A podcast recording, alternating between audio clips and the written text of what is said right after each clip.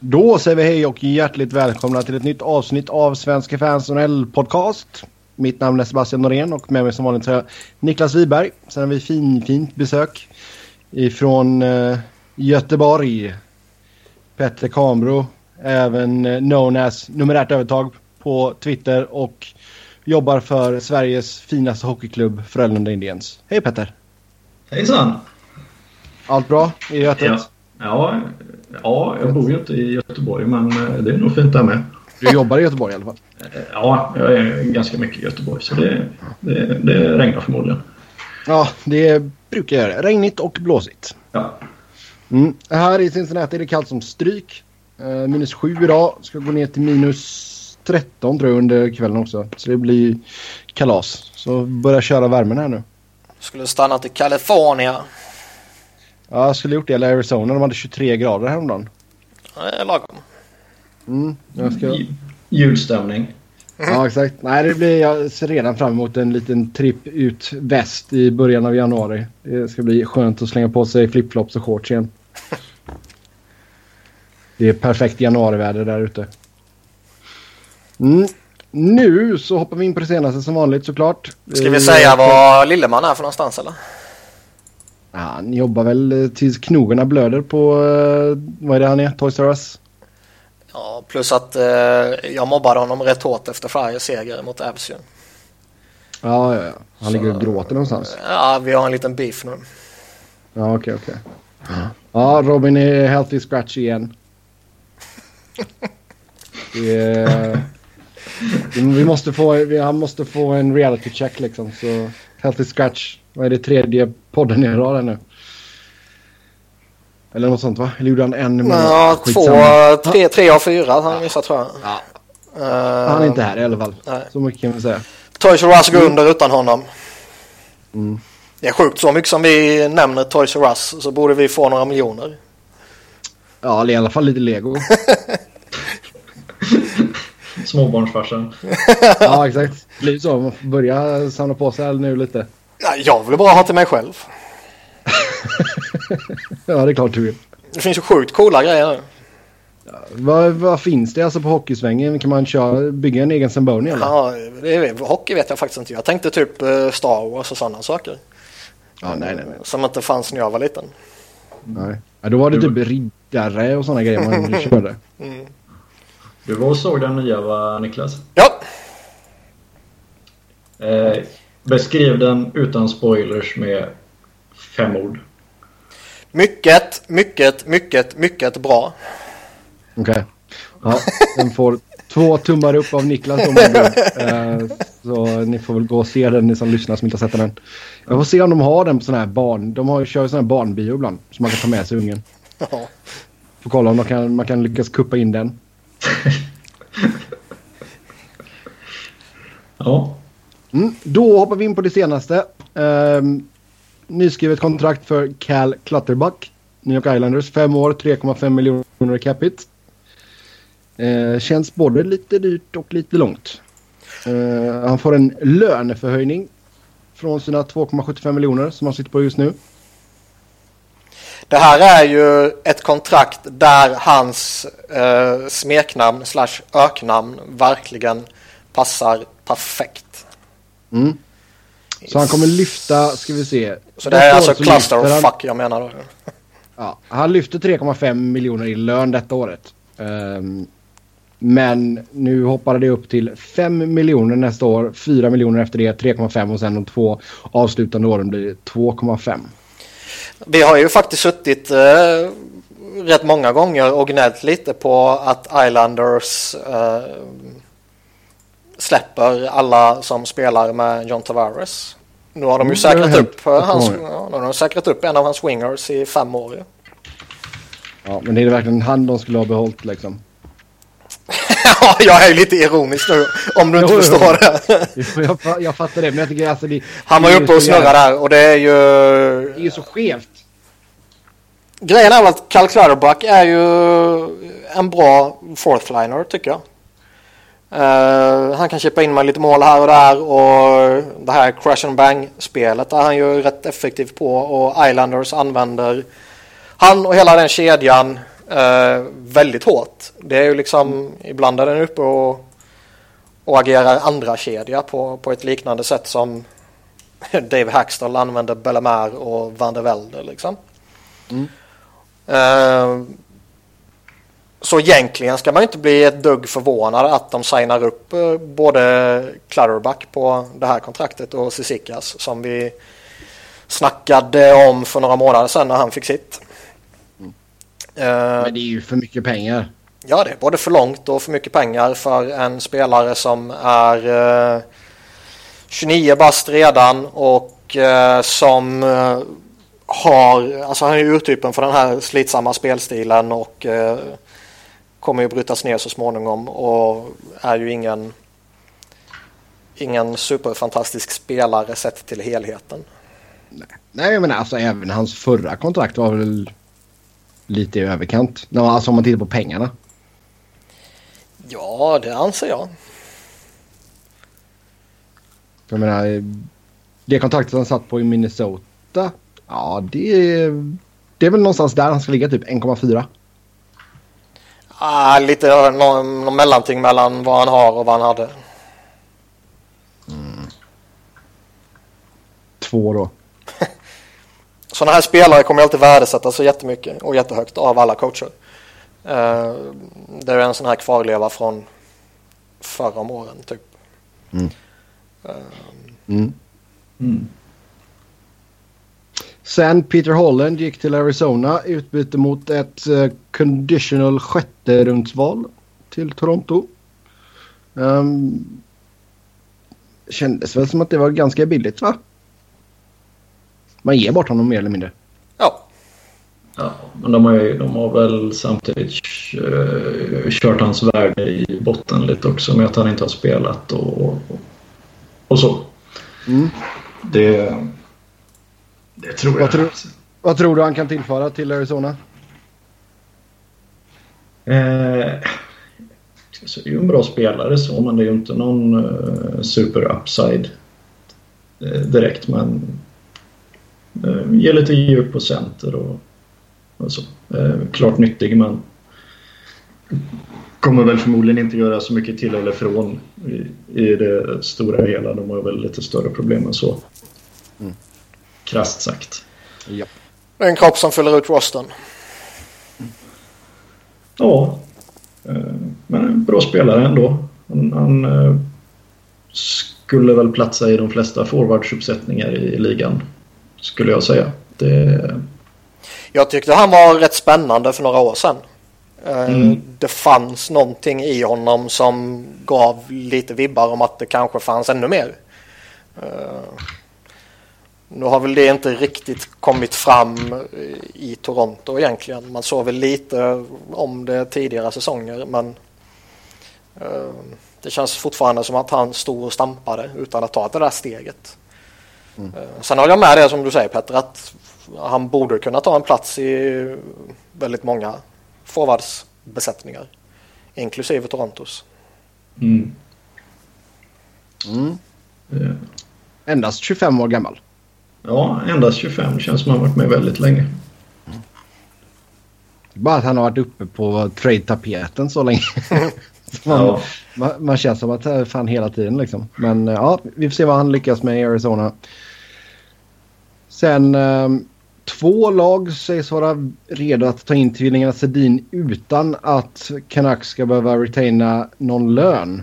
Och eh, ja, vilka lag kan det vara? Vegas måste ju vara det ena laget. Ja.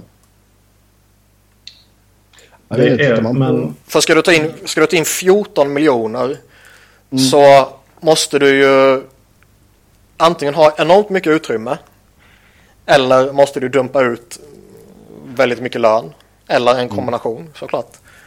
Och det är så pass stor grej och jag tror inte att lag som vad ska man säga inte har utrymmet, är redo att skaka om jättemycket för den. Alltså Sedina håller ju fortfarande en god nivå men de har ju inte direkt åtta år kvar. Nej. Nej, det, så ska, ska du ta in dem ska det väl vara för att du vill göra en kortsiktig boost på, på något sätt. Och är det då att du ska ta in dem till fullt värde så är det ju förmodligen ingen contender som gör det. Jag tittade på, jag tittade lite snabbt på Cap Friendly och lite snabbt så vilka som kunde adda 14 miljoner och det var ju Devils och, och Carolina. Mm. mm. Liksom. Eh, jag vet väl inte om de skulle vilja gå till något av dem egentligen. Nej. Alltså det, för det var ju lite snack att eh, de måste ju wava sina no movement klausuler och eh, wavar man dem så måste man säkerställa att de fortfarande är aktuella efter traden så att beroende på vad som händer när man går in i en expansionsdraft och så vidare. Beroende mm. på vilket lag man hamnar i. Mm. Jag fattar väl som att de är...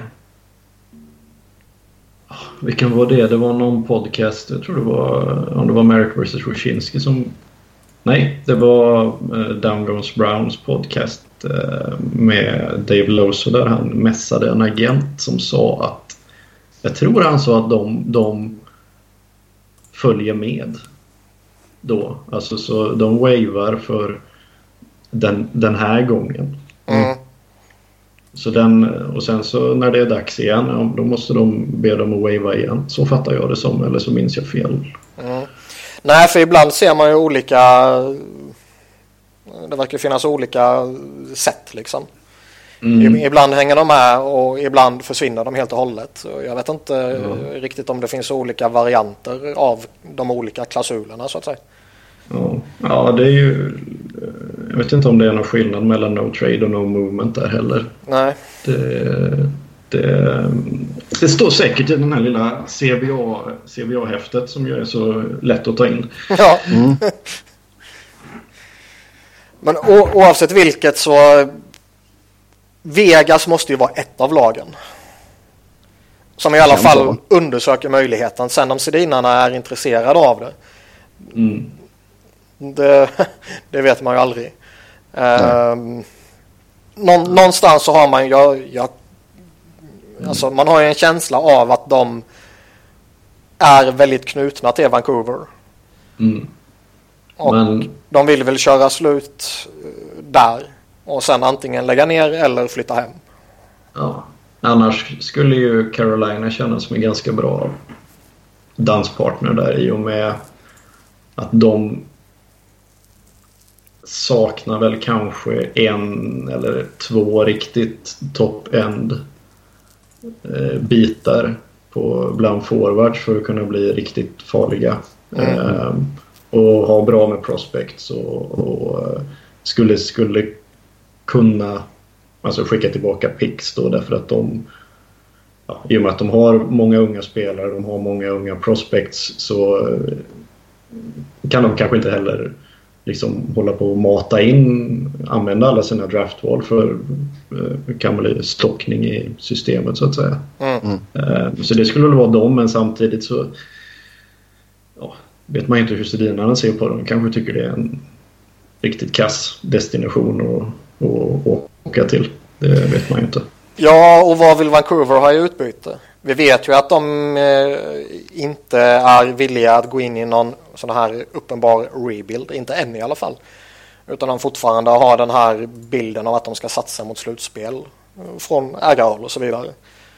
Och kommer de då gå med på en sedin trade mot att bara få, eh, eller bara inom situationstecken såklart, prospects och picks? Mm. Jag skulle väl tro att de skulle vilja ha eh, både och.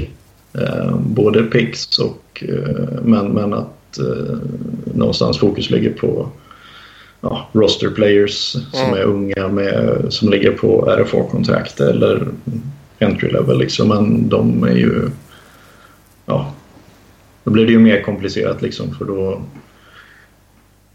för Carolina så säg att de skulle säga att Vancouver ber om eh, Elias Lindholm liksom så ja, börjar man ju kapa i vad traden är värd för dem kanske. Ja. Eh, Så ja. Det är nog, det är ju, I och med att de är två stycken så det ju, blir det ju bara mer och mer komplicerat. Mm. De kan ju inte spela i två olika lag.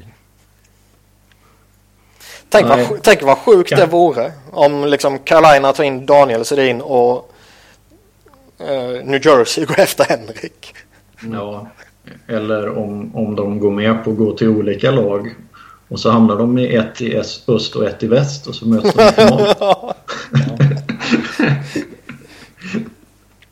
mm. Ja, då får det nog bli ett annat islag än Devils eller Keynes. Ja, kanske. ja. Japp. Ja, eh, sen, men eh, Jim Benning kommer inte att be spelare med no movement-klausul eller no trade-klausul att wava dem. Nej. Så jag vet inte riktigt hur det går ihop heller liksom. Uh, och det är väl det roliga här var ju som jag tycker anledningen till att varför han inte ville göra det. Det var ju för att de var bra ledare. Uh. Och har betytt mycket för våra unga spelares utveckling. Och liksom den enda unga spelaren de har är väl typ Bo Harvard liksom. Mm. Alltså man sitter ju med, så Sedinarna sitter på no movement, Louis Eriksson sitter på no movement. Sen har du Burrows, Sutter, Hansen, Edler och ja, de sitter på full no trade och sen har du Ryan Miller på modified no trade. Mm. Mm. Det är många spelare då. Sen är det väl i ärlighetens namn få spelare uh, av det gänget, Sedinarna uh, exkluderat, som jag tror skulle vara aktuella för en trade. Eriks, e Eriksson är ju liksom, man signar inte honom och sen tradar honom nu liksom. Nej. Eller framåt deadline, det tror jag inte. Mm. Uh, Burrows, vilka vill gå efter han liksom? Sant. Och Sutter och Hansen skulle väl jag personligen inte vara jättehet på. Men visst, någon kan väl säkert sticka upp där. Men det känns väl inte vill, heller... du ha, vill du inte ha Sutters kontrakt? Nej. Mm. Men det känns väl inte riktigt heller som att det är någon kö till någon av de två. Nej. Och Alexander Edler. Ja, på väg neråt. Ja. Fortfarande några år kvar på kontraktet och så vidare. Ryan Miller är ju det är inte den målvakten du tar in idag för att boosta upp någonting. Nej. Nope. Ja, det är sant. Nej, målvakter kan ju vara sådana att eh, det beror ju lite på laget också, men de kanske får en skada eller någonting och så ska de ha in någon. Då, då kan det ju rassla till rätt snabbt. Ja. Eh, beroende på pris och marknad och sånt där. Och är målvaktsmarknaden som, som den brukar vara så behöver det ju inte det vara allt för dyrt för att hitta en erfaren målvakt. Rent så sett om man ska försöka rationalisera hur man ska få till en trade mm. eh, så går nog det men ja. Samtidigt 6 miljoner dollar och, och, så, så kan det ju bli tajt. Mm. Mm. Sen surras det om att eh, Colorado vill ha en toppback eh, till sommaren och att man kan eh, tänkas ge upp antingen Matt Duchene eller Gabriel Landeskog. Mm. Vad tycker Robin om det? Ja. Nej, ingen, ingen kommentar där. Nej, okay. Tystnaden talar. ja. Alltså det som är lite lustigt är väl att uh, den lilla, eller det lilla rykte som finns är ju att de vill ha en back för högersidan typ. Ja. Vilket ju blir lite, alltså när de redan har Barrow och Johnson så borde ju behovet snarare vara på vänstersidan. Oh ja. Mm. Ja. Eh, det är ju lite... Grejen är att har man de backarna så släpper man dem ju inte. Om du inte är, sitter i den sitsen som typ Nashville satt i. Mm. Där de hade alla backarna. Mm. Där de verkligen hade ett, ett överflöd. Jag menar, de har ju tradat två stycken riktigt bra Uh, ja, nu fick de ju tillbaka en i PK i början såklart, men de har ju ändå kunnat trada därför att de har haft så pass sånt djup. De flesta lagen har ju kanske någon eller några bra backar och sen så har de någon eller några bra eh, forwards liksom som, och, och de sitter ju där de sitter liksom. Eh, men jag satt och tänkte på det att kanske eh, det beror ju lite på eh, jag tänkte på Anaheim beroende på hur det går i expansion draft. Mm. Om de kanske förlorar Silverberg eller någon. Om det skulle vara så att de inte tar en back från Anaheim. Mm. Då skulle kanske Anaheim vara sugna på att eh, lägga till en, en hyfsat ung spelare eh, bland forward som deras backprospect också tar några steg framåt. Och, ja, kanske de kan skicka någon, kan skicka mm. någon dit. Så Kevin Bjäxa till Colorado är vad du säger? ja, eh, jag har insikt på den. Avslöjar. Ja, vi får se. De är ju rätt nöjda med sina kids eh, i, som de har i AHL och sånt där och, och de som varit uppe. Och, ja, det skulle väl vara, för det, det är ju ett av de lagen som man tänker som har många bra unga backar. Liksom. Det, är ju, mm. det är de lagen man får leta efter. Du, det är inte så att eh, Philadelphia eh, skulle slänga iväg någon av sina bra unga backar. Nej. Och de flesta andra klubbarna sitter ju i samma sits. Att de, de har, de har ingen klubb har tillräckligt många, inga, ingen har ett överflöd. Så. Ja, det känns ju som att alltså, en sån kille som Shay Theodore åker ju upp och ner mellan AHL och NHL flera gånger i mm. veckan känns det som. Um, men uh, jag tror ju säkert att Anaheim skulle vara sugna, eller Colorado skulle vara sugna på att ta in en typ Vatanen liksom. Mm. Det... Men vem, vem ser ni var, alltså vi leker med tanken då att det är Anaheim. Och att man, sen man skickar Vatanen, vi gör det enkelt för oss. Eh, tar ni hellre Duchene eller tar ni hellre Landeskog? Jag skulle föredra Duchene. Uh, ska vi se, vad har han kvar på sitt kontrakt? Två år till på 6 miljoner. Ja. Landeskog har ju fyra år till på drygt 5,5. Ja, ett år yngre också. Um, det beror ju lite på vad de känner med sin centerposition. I och för sig spelar ju Duchene vinge ibland också va? Mm. Så det kanske kvittar men jag tror att jag tror nog att de skulle vara mer sugna på Landeskog. Det håller jag med om. Det håller jag med om. Jag, jag tror nog han skulle kunna passa in bättre i deras lagbygge. Eh, mm. Men om jag bara får välja vem jag skulle föredra så skulle jag hellre ta Duchene. Mm. Mest för att, uh, inget ont om Landeskog, han är duktig. Men uh, mm. jag tycker väl att Duchenes tak är högre. Mm.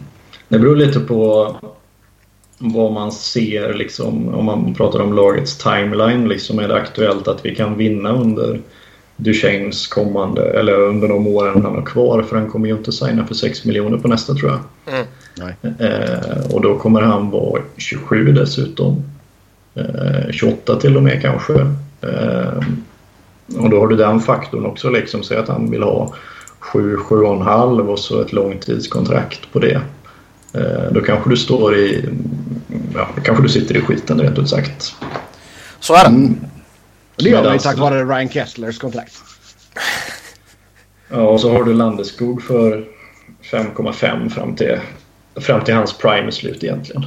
Ehm, då tycker jag nog att eh, även om man har lite kanske ett litet gap i spelarkvalitet så tycker jag nog ändå att det är mycket mer attraktivt.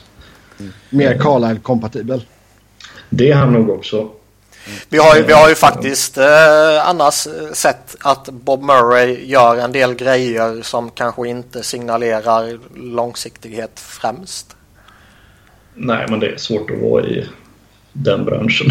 jo, absolut, absolut. Men eh, drar man det till sin spets så kan man ju nästan säga att han är oansvarigt kortsiktig.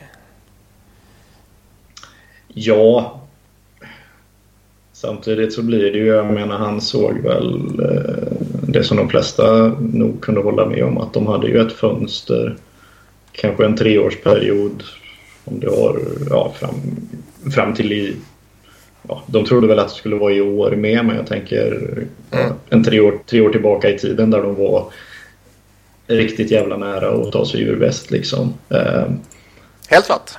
Då, då blir det ju så. Sen vet jag inte hur gammal Bob Murray är också. Han kanske inte har tänkt göra det hela tiden. Så, eller resten av livet menar jag. Så det, Mm. det finns ju också det. Eh, då, då går man nog med det man vet och det man har. Och tror man att Ryan Kessler kommer vara, som han kommer vara värd pengarna eller nära i alla fall under två, tre år av det här kontraktet så kan man nog ge han det och sen så fan vinner vi så vinner vi och då är ju allt, allt lugnt. Ja. Vinner vi så hyllas jag och vinner vi inte så slutar jag och så är det någon annans problem. Så då har man ju förmodligen kunnat se honom resonera. Anser jag. Ja, absolut. Och det skulle nog de flesta GMs i ligan göra i hans position. För det är ju ingen av dem som har särskilt... Jag menar, jag sitter ju inte och resonerar så när jag sitter och spelar managerspel. Då skickar jag ju alla de vill ha pengar. Eh, men, men så kan man ju inte göra riktigt om du har, jag menar, du har en ägare som betalar lönerna och så bara, men du, vi har ju en marketingkampanj med, han här. Ja. Liksom som vi har sänkt jättemycket pengar i och så eh, byggt upp jättemycket runt och liksom så som, ja nej men han, eh, han vill ha för mycket betalt och, och jag tror att vi kan vara bättre om fyra år om vi gör så här. Ja, det, det kan vara svårt och kan vara en svår sälj internt också. det, Nej, så är det ju verkligen. Sen mer Colorado-snack. Jerome Ginla sägs vara villiga att waiva sin no movement-klausul. Um, ehm, hur het är en 39-årig Ginla på marknaden just nu? Inte gått särskilt bra i början här av säsongen. Jag tror eh, fortfarande att hans namn är så pass respekterat att eh, jag kan tänka mig att rätt många lag skulle eh, överväga honom. I synnerhet om Avs behåller en stor portion av hans lön. mm, För ska man ta in honom på 5,3 miljoner då måste du då måste du få honom riktigt jävla billigt. Men jag tror, men jag tror verkligen att om, om Avs är villiga att behålla eh, hälften av det där så tror jag fortfarande att Jerome Ginlas namn klingar så sexigt hos så pass många att de är redo att chansa på honom. Och hoppas att det blir en eh, eh, avskedsföreställning av högsta klass liksom. mm. Mm. Han hade 22 mål förra säsongen. Så jag menar skottet finns ju kvar. Ja, problemet är väl att han inte kommer till det så ofta. Nej. exakt, exakt. Det, han kollar lite på hans... Om man bara, bara både totala skottförsök och skott på mål och sånt där så har ju det dalat som förväntat lite grann de sista åren och det... Ja, fem mot fem så tror jag inte att det finns jädra mycket mer i tanken kanske. Uh, ur den aspekten liksom att ta sig och, och komma till de ytorna. Uh, uh, men klart kan du stå där och stå där med en hög puckar och- eller om man kan hitta någon slags PP-uppställning där han kan ingå och vad, vad möjlighet är så kan det ju finnas någonting. Men ja, det, det kan nog vara, jag tror det kan vara en svår, svårt att få plats, passa in honom eh, bra i en, i en riktig contender. Mm. Det är synd, men äh, gillar han ju, man gillar han ju starkt för ja, egentligen hela karriären för han var ju han, var ju, han åkte ju runt och var, gjorde mål och slogs och gjorde allting med världens största leende liksom. Det är ju svår, att, svår att ogilla. Ja, det, skulle, det, det, är en sån där spelare som jag skulle kunna tycka det var väldigt vackert att se höja bucklan och sen gå i pension. Mm, absolut, absolut. Och det är något jag skulle kunna unna honom också så länge han inte möter Flyers i finalen.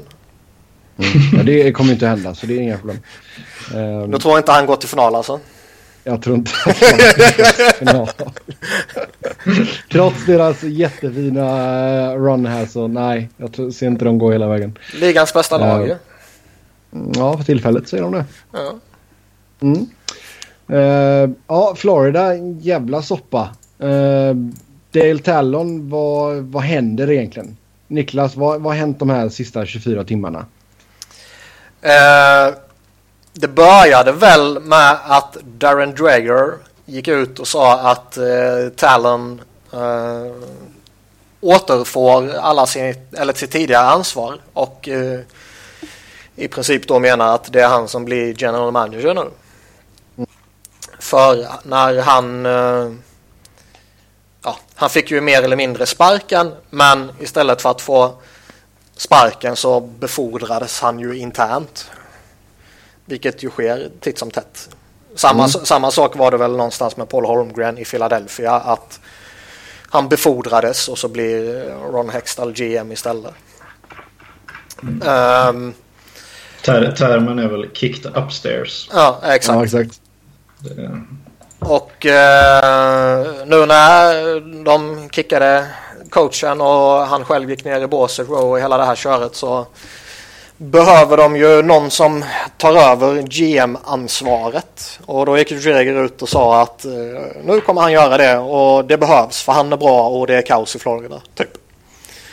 Men sen visade det sig ju typ dagen efter att eh, riktigt så var det ju inte. Och Florida gick ju ut och förnekade det och hela det här köret.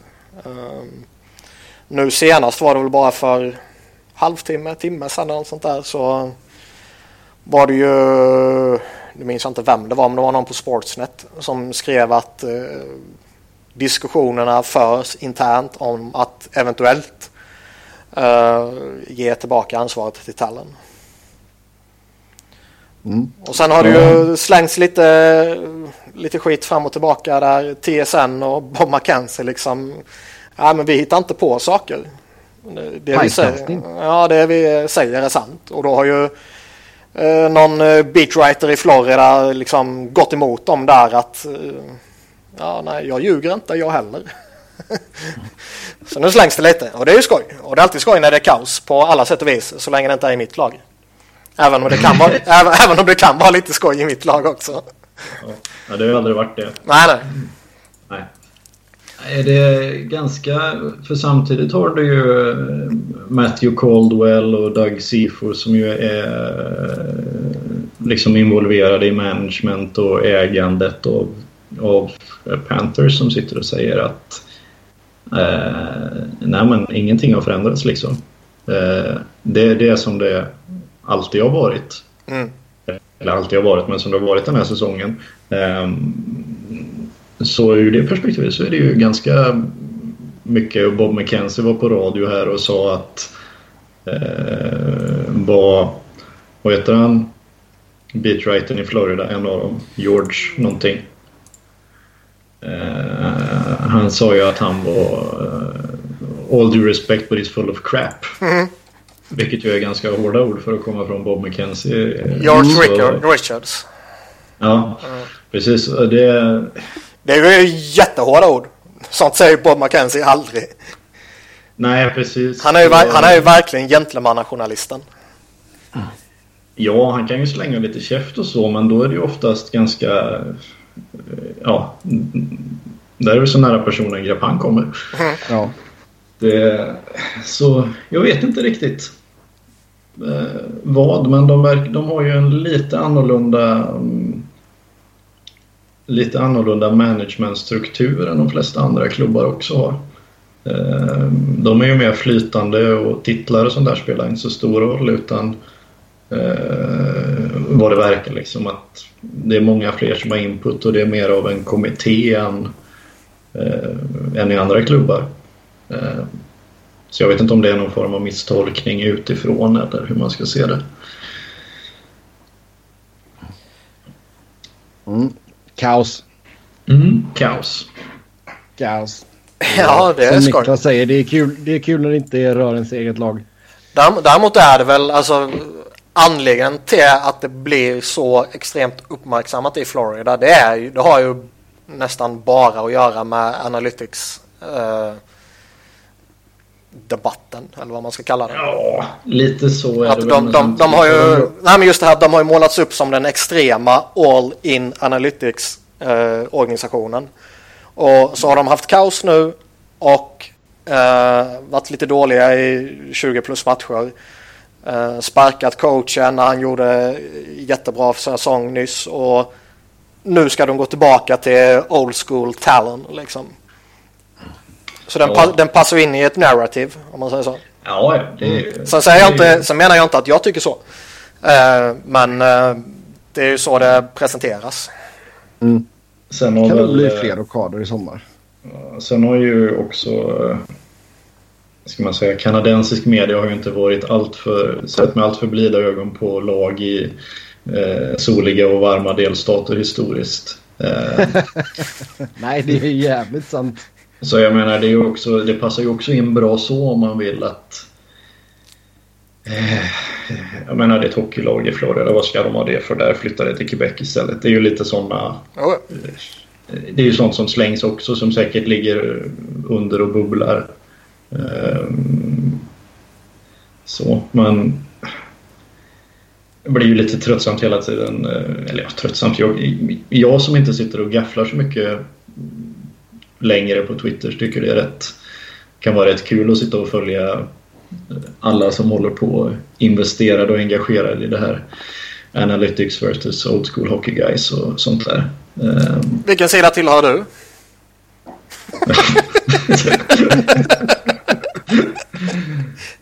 Ja. Ja, ja men jag, jag, jag, Ja, jag, ja, jag, jag tyckte jag var rolig där. Ja. Ja. Nej, men jag, jag, jag är ju såklart eh, jag är ju traditional eye-test hockey guy. Det vet ju alla. Det är ju, Exakt. Göteborgsnivå på den, eh, på den frågan där. ja. Men du släpper inte in några bloggare i den här branschen, det vet man. Ja, eh, sen eh, ska vi prata om lite andra grejer här också. Carey Price när, de, eh, när Montreal mötte New York, nej New Jersey såklart. Inte New York Devils, New Jersey Devils. Så pumlade han på Cal Palmieri ganska gott ändå med sin eh, stöt. Eh, jag vet inte om det var sådana njurslag han försökte göra eller någonting men dunka på han jävligt bra men det blev ingenting med det. Eh, rätt eller fel att han inte blev eh, reprimanded. Det enda jag kan säga det är, jag, jag kan tycka det är lite lustigt eh, som det var någon som skrev Henke Lundqvist får böter för att spruta vatten på Sidney Crosby eller vem det nu var. Och uh, Carey Price hoppar på en snubbe och ger honom rätt kraftfulla och rätt många slag när han ligger ner. Mm. Ingenting händer. Ja, men det, är, det är ju hockeyplay. Ja. Spruta vatten, spruta vatten är ju inte hockeyplay. Nej. Är, Chicken Swede. Sen, Ja. sen kan väl jag tycka alltså om, om en spelare verkligen crushar din målvakt då har inte jag något emot att målvakten hoppar upp och ger honom på käften. Nej, nej. Eh, Det kan jag till och med tycka är skoj. Eh, I synnerhet om det är Ray Emery. Men ehm, i det här fallet så tycker jag ju det är ju inte en solklar goalie interference direkt. Nej, han kör ju inte över han direkt. Han kör inte Eh, riktigt över honom och jag tycker mig kunna se en liten, kanske inte knuff, men en liten petning i rätt riktning från backen som jag inte minns vem det var nu. Mm. det var- Men det, det tycker jag ändå så vi ser ganska ofta ändå. Ja, Spelare blir inknuffade i målet och sen blir det kaos. Många backar är ju helt dumma i huvudet som bara köttar in en motståndare rätt in i sin Ja, målvakt och sen börjar de bråka med forwarden för att han blev eh, inknuffad i målvakten. Liksom. Ja. ja, men om du kan knuffa han lite så han åker in i målvakten kan ju du få PP. Jo, så är det Men du kan också ge din målvakt en hjärnskakning. Ja, men det kan det vara. Kan, kan Det vara. kan det vara värt! Ja, inte så, men, men Det är bara våran backup-målvakt. Kör på bara. antal, om, om man tänker antal eh, brutala goal interferences som leder till, till hjärnskakningar så sett så, så kan det nog vara. Jag menar, Nej, jag förstår vad du menar och jag håller ju med i ditt resonemang givetvis.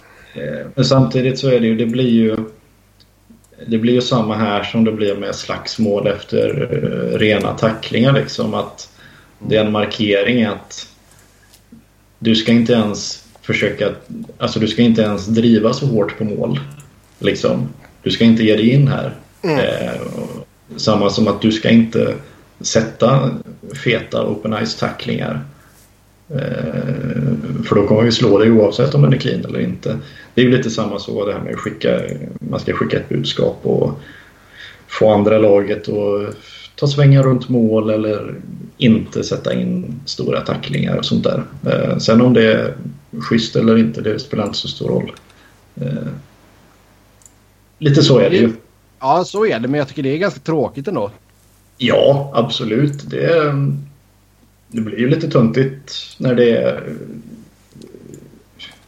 Ja, när de ska hålla på. Ja. Nej, men det är tuntigt. Jag håller med.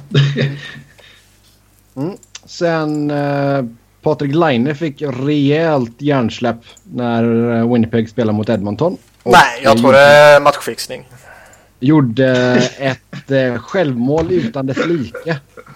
Eh, jag vet inte hur man ska förklara. Han måste ju ha trott att han var i offensiv zon liksom. Det är ju inte mer med det. Men det måste... Det, måste... Ser, ut som, ser ut som en reflex. Mm. Han, ser, han ser ett öppet mål och han nyper till. Alltså... Mm, ja. En, som en äkta målskytt ska göra. ja, typ. Förutom att det var i fel mål. Ja. Det är som um, japanen i VM. Yes. Ja, det, är, det är ett av de bästa klippen någonsin. När han, när han först jublar och sen bara faller ihop. Ja, vad vackert det är. Det är så vackert. Det är sån, sån glädje och sen blir det sån ja, total misär när han inser vad, inser vad han har gjort. Liksom. Det, är, mm. nej, det är guld. Kolla upp det klippet om ni inte har sett det. Mm. Line är ju lite mera... Det är ju inte samma känsloyttring där. Nej. Men, men han är ju van vid att göra mål så det kanske... Ja, han har ju varit där förut liksom. Japanen mm. kanske inte gjorde något mål. Det var väl en back har jag för mig. Ja, så, japanska backar går ju inte. ja, nej men alltså ja. Som sagt, eh, Helleback lämnar retur på ett skott. Så, så Line skickar den i öppet mål. Mm. Är roligt faktiskt, eller roligt, inte, det är nog bara jag som tycker det är kul. Men jag var faktiskt inne och tittade på, för det blir ju, när man liksom tittar så är de ju creddat. Det är ju sist eh, som han som sköt pucken mm. innan. Och då tror jag ju att målet registrerades från där Line sköt. Men det var ju inte han som sköt därifrån. Alltså Nej. man pratar om location och, och mm. sånt där. Det, ja, Nej, det var bara jag som tyckte det var kul. Släpper det. Men jag, alltså, jag tycker nästan att varför kan man inte bara införa självmål? Ja, jo. När, när det är såna här så är det ju jävligt uppenbart. Men sen ja. har du ju liksom alla andra som är, tar på knät på någon och sen jo. så blir det... det ja.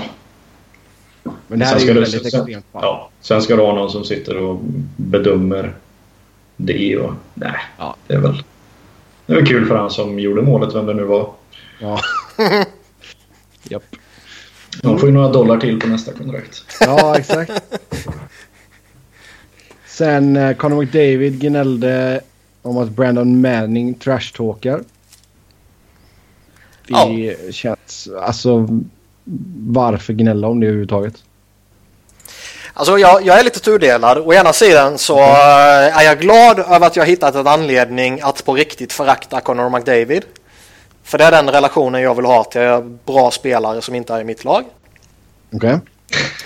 Uh, eh, å andra sidan så är det också skoj att han, uh, vi har ju, inte bara vi utan väldigt många, har ju gnällt om att han är tråkig. Mm.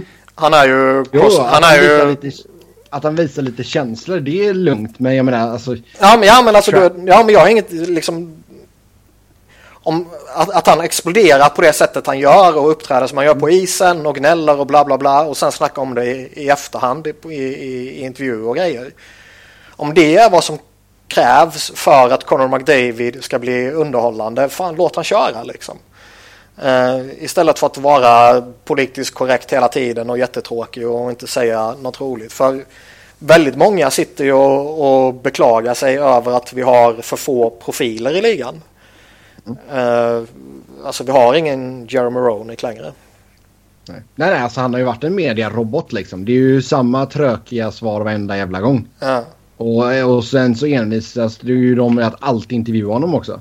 Jo. Men att han gnäller på att någon trashtalkar känns ju jävligt löjligt. Det blir väl lite så. Det var ju uh, med hänsyn till skadan han åkte på då. Där uh, snacket går att Manning då ska ha antytt att det där var ingen olycka. Det, jag knuffade in dig med mening. Vilket varenda människa som har sett klippet förstår att det måste vara en olycka. Mm det är liksom, ja, för min del är det rätt uppenbart. Uh, och sen kommer det en liten snorvalp som åker runt och som eh, gnäller lite allmänt och som tjattrar lite med domare och framförallt så är jävligt duktig. Det är klart man försöker snacka omkull honom. Och det du har att gå på honom det är ju att jag skickade in dig i sargen. Du vet att det var med mening va? Och eh, Conor McDavid var ju faktiskt eh, inte så värst jättebra i den matchen. Och med tanke på vissa andra saker som man hör om trash talk på isen som har att göra med familjer och barn och fruar och flickvänner och hela köret. Så är väl det här eh, en piss i Nilen liksom. Mm. Alltså jag kan ju inte så uppskatta trash talk och jag tycker att det är har en plats i, i spelet liksom. Sen är det klart att det inte ska gå över gränsen. Um, men... Uh, mm. Nej, jag tycker det är lite löjligt att han gnäller. Men som du säger Niklas, det är kul att han inte är en robot hela tiden heller. Sen var han ju på lite eh, och gnällde om att Brandon Manning, han vågade inte ens fightas liksom. Fan, vill du han ska fighta så utmanar du honom på en fight. Du ska inte gnälla att han inte vågade fighta mot någon i ditt lag som måste fightas för dig. Mm. Sen är det klart att uh, ingen i Edmonton ville väl att Conor McDavid ska uh, fightas. Nej, nej, herregud. Men jag menar, den, den fighten tar ju Manning alla dagar i veckan. Ja, det är givetvis ju. Men det, det... Eller, så gör han, eller så gör han inte det för han vet att så fort Conor McDavid släpper handskarna så kommer Milan Lucic flygande. jo, det skulle väl vara det. Men uh, det är väl vad Sebbe syftar på. Vad jag gissar det är väl utbytet Conor McDavid i båset fem minuter, Brandon Manning i båset fem minuter. Exakt. Uh, sen, sen håller jag med vad du säger också såklart. Lite, lite självbevarelsedrift där kanske. Ja, äh, även om du vet att Milan Lucic inte är på isen där och då. Så uh, kanske han är det någon annan gång. Så, ja, så är han det när du har ryggen vänd mot uh, spelet och står vid sargen och sen kommer du få en boarding. Mm. Ja. Ja, ja, alltså skulle någon göra någonting dumt mot McDavid så kommer ju Lucic att släppas lös liksom. Det och det är ju rätt ju. Ja. Det skulle jag ju själv kräva. Mm. Då ska vi prata lite New Jersey Devils. Petter, du ska få kommentera på hur du har sett deras eh, inledning här efter 28 matcher. Så ligger man... Äh, är man med i fighten om ett wildcard? Ja, kanske.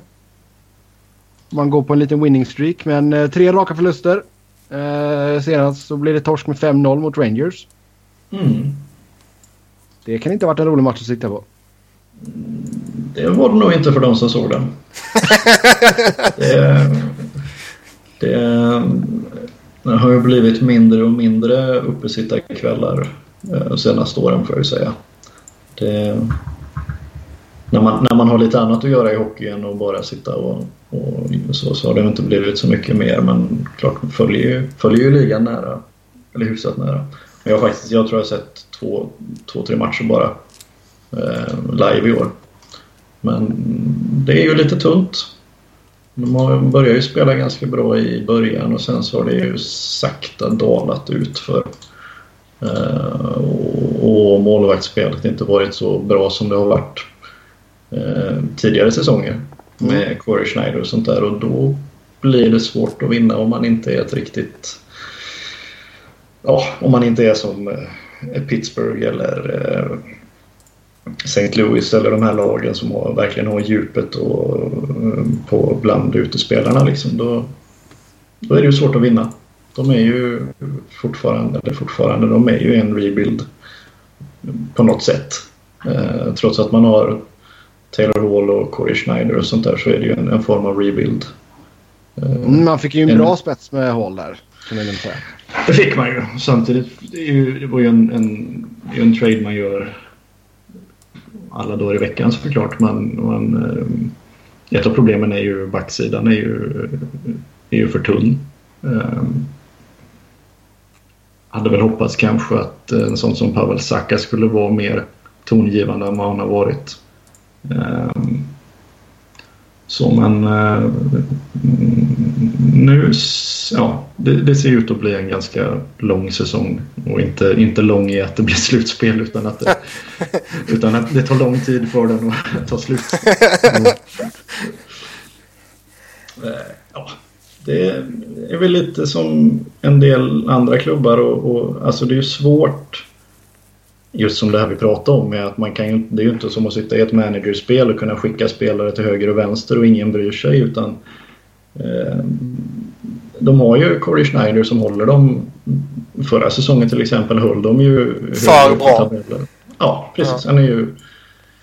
Eh, han skulle man ju haft kanske för några år sedan eller om några år så att säga. Mm. Eh, nu blir det ju nästan att man inte bottnar ut och eh, jag menar för två år sedan kanske man hade kunnat plocka så att man hade kunnat plocka Mitch Marner eller någonting. Eh, om man hade bottnat ut lite mer. Eh, eller hade man det? Det var då man fick tillbaka draft pick. Var det va? Ja, skitsamma. Mm. Så det, det, är ju lite så. Samma sak med, med, Taylor Hall. Det beror lite på vad ser man att lagets timeline är. Liksom när kommer man kunna vara en contender igen? Eh, det kanske är när Taylor Halls kontrakt är på väg att ta slut eller har tagit slut. Han har ju fyra år till. Då är Schneider någonstans 34 va? Hur bra kommer han vara då? Eh, så det är lite problematiskt så. Man kan ju inte, man kan ju inte räkna med att man gör en sån här trade varje sommar. Eh, det var bara... Nej, så, så dum är ju inte ens Edmonton va? Säg inte det. Fortsätter du bara skicka så bara här tar den här killen också. Ta den här, ta den här. ja, sådär. Men sen har det varit lite spännande att spela Johan Ovitu. Eh, var en 28-årig fransman som spelat i Finland som kommer över och är, är riktigt bra. Nu blir han ju nedskickad till AHL.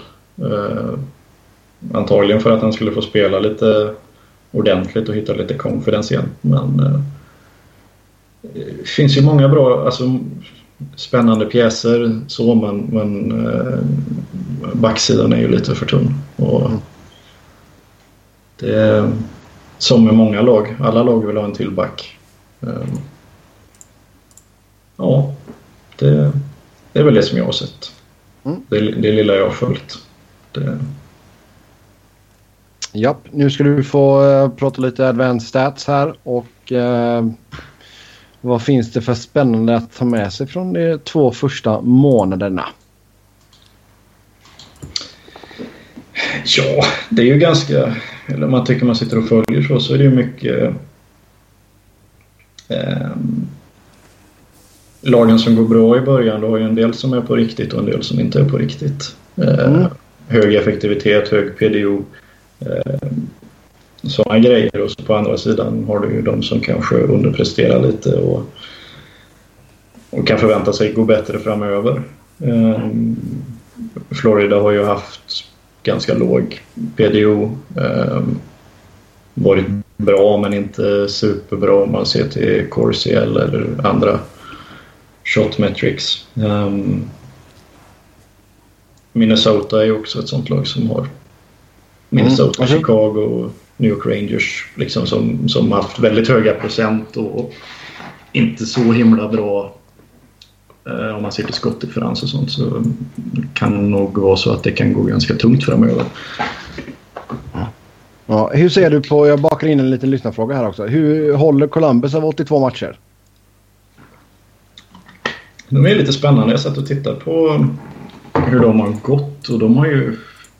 Alltså de hade ju lite halvknack i början. Inte bara om man liksom tittar till Corsi och sånt. Så, men sen sista, jag vet inte vad det är, sista 10-15 matcherna så har de ju gått riktigt bra. Legat uppåt 55 procent vilket är bland det bästa i ligan. Ehm, så då får man ju börja omvärdera lite och se, ja, kan de bibehålla något slags mellanting här så är de ju ändå ett topp 10-lag så. Eh, kanske inte kommer vara så heta som de har varit. Jag menar, de kommer ju inte gå... Har de 18-5-4 eller något sånt där inledande? Ja, eh, de kommer ju inte ha 120-125 pinnar när säsongen är slut. Det, det vågar jag ju lova.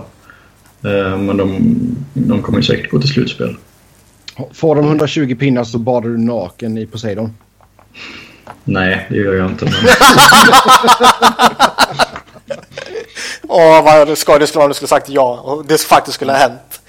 Ta, ta Frölunda SM-guld igen, då badar du naken i eh, Poseidon. Jag har enligt eh, Nej, trovärdiga det- källor hört att han redan har gjort det. Eh, Det, det får andra göra. Det är säkert någon som kommer göra det. Ja, Nej, men så det är väl... Det är väl och det är ju, jag tycker det är ju... Man, om man har varit med några år och man har följt några år så är det ju, det är ju samma, samma eh, discussion topics varje år liksom. Och så har du något lag som, ja men... De, de, eh, de tar bara dåliga avslut eller de tar bara bra avslut. Och den här målvakten fick två nya cardboardband på sitt benskydd så nu stoppar han 3% fler skott. Eh, Det är viktigt med kardborrebanden alltså. Ja, men de kan vara otroligt viktiga. Nej, men det är ju, det är ju så. Det är ju, det är ju varje år och sen, sen kommer ju de flesta lagen ner på någon slags rimlig nivå eller förväntad eh, nivå i slutändan när, när vi står där i april. Eh, Finns det några spelare som har stått ut positivt och negativt? Eller positivt eller negativt? Ja, jag, jag tittade väl inte, eller jag har inte, jag jag har inte gått igenom så noga. Men jag tycker det är ju, när, man, när vi pratar om Blue Jacket så är det ju Zach Wierenski till exempel. Mm. Eh, det är ju en jävla bra back alltså. Han är ju... Det är ju en stor anledning till varför, för jag menar det var ju en sån, en av, ett av deras problem tidigare. Okej, förra säsongen så var väl att alla gick ju och blev skadade också. Eh, De hade ju sjukt mycket skador. Eh, Men så har de ju liksom Seth Jones, Zach Wierenski och det är ju två riktigt bra backar som de har. Eh, Unga och, och, och Wierenski är ju på entry level men Seth Jones är ju på signad för flera år framöver så det är ju eh, visar ju också hur, alltså hur, hur jäkla viktigt det är för ett lag att ha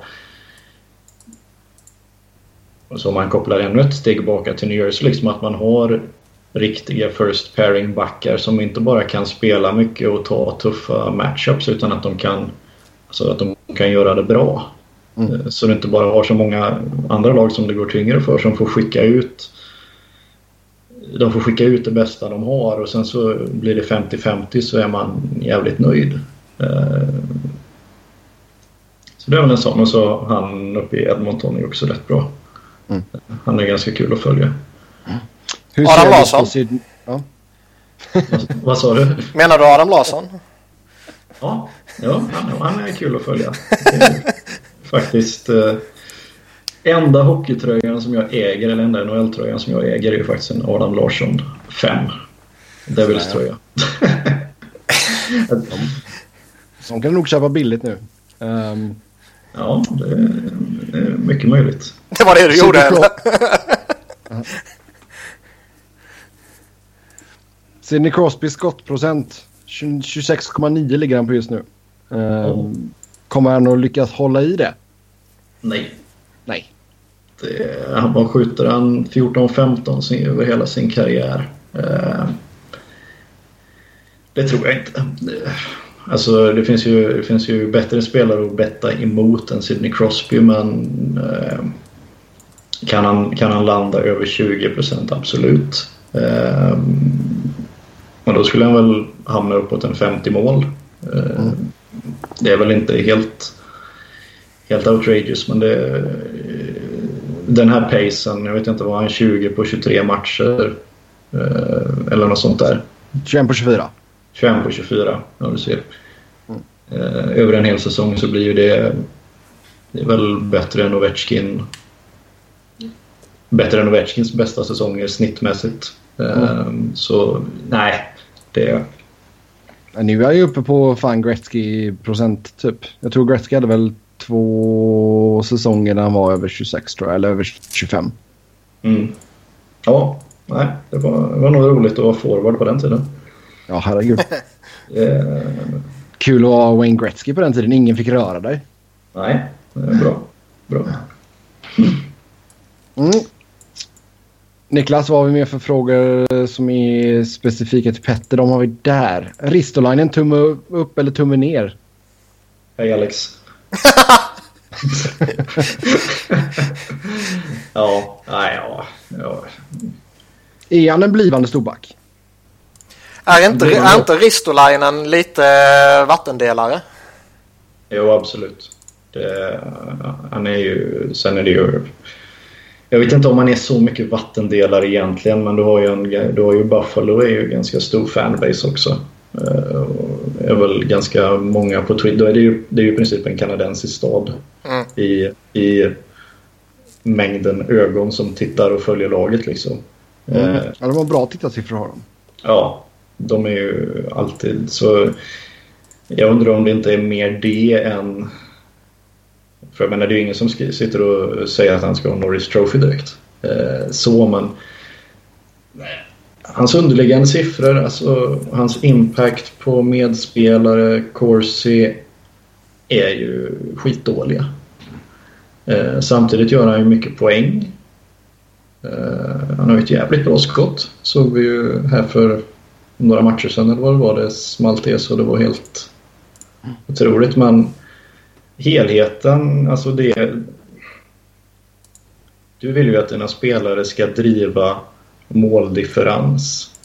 Ska göra saker så att de i det långa loppet vinner. Alltså den tiden de är på isen ska du göra fler mål än du släpper in. Mm. För att så vinner du matcher och vinner du matcher så är alla glada och allting är bra. Eh, det gör han inte, i alla fall inte med de verktygen vi har. Eh, det finns mycket positivt och negativt med de verktygen vi har men det finns ingenting i det vi har som pekar på att att han influerar det positivt för hans medspelare har ser bättre ut när de inte spelar med han. Ehm, och så kan det ju vara. Spelar du i ett av de bästa lagen i ligan så kan det vara svårt för dig som enskild spelare att ha en influens därför att alla spelare är bra. Men nu spelar han i ett av ligans inte bästa lag de sista åren och ändå så rör han inte nålen liksom positivt för dem. Då får man börja ifrågasätta vad det är man har. Sen gör han ju mycket poäng. Alltså riktigt bra offensiv back men fråga som väl ingen har riktigt svarat på är hur många poäng får du, måste du göra för att väga upp ett, ett uh, dåligt tvåvägsspel? Mm. Ja. Jag tror inte att han är där.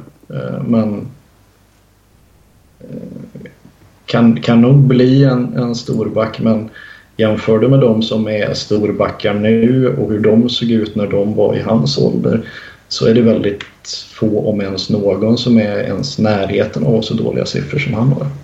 Um, så man kan nog inte skylla allting på vem är det, Josh Georges han har spelat med mesta tiden. Mm.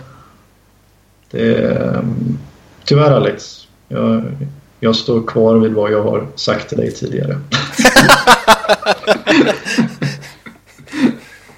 Då har vi det svart på vitt där. Um, sen uh, har vi en till fråga här. Hur lång tid tog det för att övertyga Frölunda om att plus minus är en dålig metric?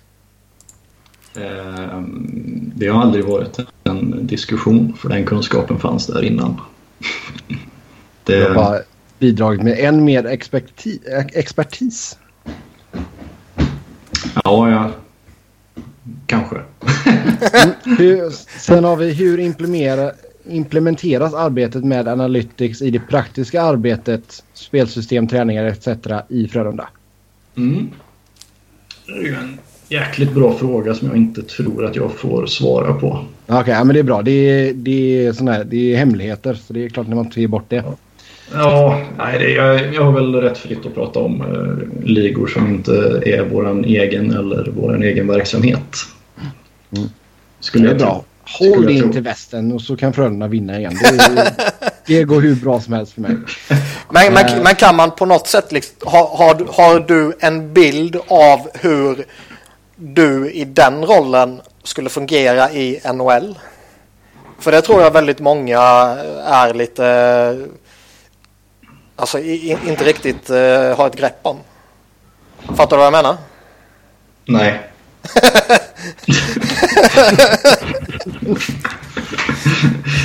Men du, eh, ljudet glappar lite också så jag hörde inte hela så det var inte bara... inte bara min idioti. nej, nej, nej, men jag menar liksom fancy stats. Uh, personerna som anställs av NHL-klubbarna nu som ju bara blir fler och fler och fler. Mm. Uh, liksom är det en, uh, enligt din bild och om du kanske har hört någonting om du har någon kontakt med någon. Är det liksom någonting som används flitigt? Eller är det någonting som man uh, placerar lite i bakgrunden och längst ner i hörnet på mötena mest för att blidka en väldigt eh, vad ska man säga, stor och ny del av den mediala bevakningen. Mm. Man kan peka och säga att vi har det här. Mm. Eh, ju, jag har ju lite kontakt med, med, med folk som har blivit inplockade eller varit inplockade eller på något annat sätt konsultat eller vad de nu har gjort. Eh, och det är ju egentligen hela spektret som innefattar där. En del har ju varit inplockade bara för att vi ska ha det här för alla andra har det här. En del klubbar eh, är ju väldigt drivna och investerade i det. Florida till exempel. Eh, och ja, det är lite svårt att säga för när, för, något som jag har förstått för, som jag inte riktigt greppade kanske förrän jag började arbeta med faktiskt riktiga hockeymänniskor om man säger så. Folk som jobbar på riktigt. Det är ju um, det här med att sitta med är ju en helt annan grej. Um, tappar jag tråden lite också. Uh, nej, jag tappar tråden totalt. Ja, men det finns ju så många olika och jag tror att det är många olika klubbar som använder det på helt olika sätt. En del använder det bara för... Eh, en del har det med som att... Eh, ja, men vad säger siffrorna? Ja, men siffrorna säger så här. Ja, men det var ju tvärt emot vad jag tycker. Då kör vi på min magkänsla ändå. Eh, liksom att man använder siffror när det passar en. Och man använder de siffror som passar en. Man använder dem inte för att ställa frågor. Eh, kanske försöka utveckla sitt eget resonemang liksom när det blir en drivande... Det, det är inte bara liksom en dekoration utan det är faktiskt något, något drivande i processen. Mm. Uh, och där vet jag inte om det är så många klubbar som är. Uh, även om det är många klubbar som har kanske plockat in en eller flera som sitter med. Men när det kommer till kritan hur mycket, hur mycket av beslutsfattandet driver eller influerar det. Ehm, det tror jag det är mycket... Ja, där är det nog ganska tunt i de flesta organisationer. Där kommer vi väl hamna först när eh, i praktiken en sån person hamnar som head coach? Ja, eller, eller någon som kanske har kommit in, typ Kyle Dubas som har gått och varit assistant GM som blir Eh, general manager på riktigt och få bestämma själv inom, liksom, inom den rollen. Ja. Och verkligen kan, kan välja vad är det som är, ligger till grund till besluten. Eh, men sen är det ju mycket annat. Jag menar, jag tänker väl också att, att det, blir, det är som en filosofi också hur man utvärderar, hur man bedömer och vad man värderar. Eh, det är mycket det som är det här tugget som vi ser mellan eh, old school, framförallt old school och media och man ser ja, främst bloggare då eller personer som sitter och jobbar statistikbaserat som det här med vad det är man bedömer, vad är det som är viktigt, vad är det vi ska fokusera på. Där är ju, mm. där har du också ett stort glapp um, tror jag när det kommer till diskussionerna i olika front office och managementgrupper om, runt om i ligan. Att, och det är väl egentligen det som är det fina med statistik, att man kan sitta och titta på har det här faktiskt någon, har det här något värde? Um, för det mesta som slängs runt när man pratar om, alltså det, det är ju det är ju inte nyttigt, alltså det är ju bara kuriosa. Liksom han tekar 2% bättre mot vänsterfattade tekare i högra teckningscirkeln på tisdagar på bortaplan i tredje perioden. Lite överdrivet men det är ju sånt som kommer upp i, i broadcasts och, och sånt där. Jag menar det är ju totalt ointressant. Eh, och sen har vi de här klassiska liksom då tacklingar eller då tekningar. Tacklingar som har en negativ korrelation med vinnande liksom. Det, det är ett verktyg för att få tillbaka pucken när du inte har den men det är ju inte någonting som du ska ha särskilt mycket helst. Eller för att skada spelare. Eller för att skada spelare. Precis. Men då tror jag att det finns bättre sätt. Kanske ja, så. jag hade bara varit tyst länge. Jag ville säga någonting. Ja, ja men nu hade jag en liten monolog så Yes. Nej, men det är bra. Det är bra. Ja, sen går vi in på våra vanliga lyssnarfrågor. Tack som vanligt för att ni har skrivit in till oss. Eh, först ut så har vi Förstora svensk media upp Henrik Lundqvists petning eller är han slut? Eh, det, Det är känns inte, som inte att... den sista biten att stora upp den. Jo. Han eh, tog slut. Ja, men alltså det har, det har blivit... Alltså det har ju fått så oproportionerligt stora rubriker kan jag känna. Snart, snart, Eh. snart kommer ju Petter, ge, ge det två år, sen kommer Petter få sitta och förklara för Frölunda varför det är ett dåligt beslut att plocka hem Henrik Lundqvist. Nej, jag skämtar såklart. Ehm, Nej men alltså det, när Ranta har spelat så som han har gjort så är det ju kör på så länge det han är het liksom. fast det, det beror på lite alltså. Å, å ena sidan, okej, spelar den heta... han får vila ett par matcher, det är väl inte mer- med det. Nej, men spe, spelar den heta målvakten. Uh, Ranta var ju faktiskt duktig. Eh, låt han vinna några matcher. Eh, Henke Lundqvist går ju inte under av att sitta fyra matcher på bänken. Uh, å andra sidan kan man ju vad ska man säga, i ett längre perspektiv och ett resonemang som det var några som förde som då var emot petningen. Att eh, Rangers är i ett större behov av att ha en Henk Lundqvist i god form än att Antiranta ska vinna någon match eller två här. Och således borde Henke Lundqvist eh, spela så fort som möjligt. Sen ska man ju givetvis ha så det här rotationen och Henke ska ju inte spela 82 matcher. Det är inte det jag eller de menar liksom. Men jag tycker, Nej, men, eh, jag tycker ändå det finns en, en, en relevans i det resonemanget att det är viktigare för Rangers att Henke Lundqvist blir Henke Lundqvist igen. men Ä- alltså, ä- ä- ä- överlag så även om det skulle... har spelat för mycket. Ja, det tycker jag är generellt nästan ett problem för alla de här toppmålvakterna.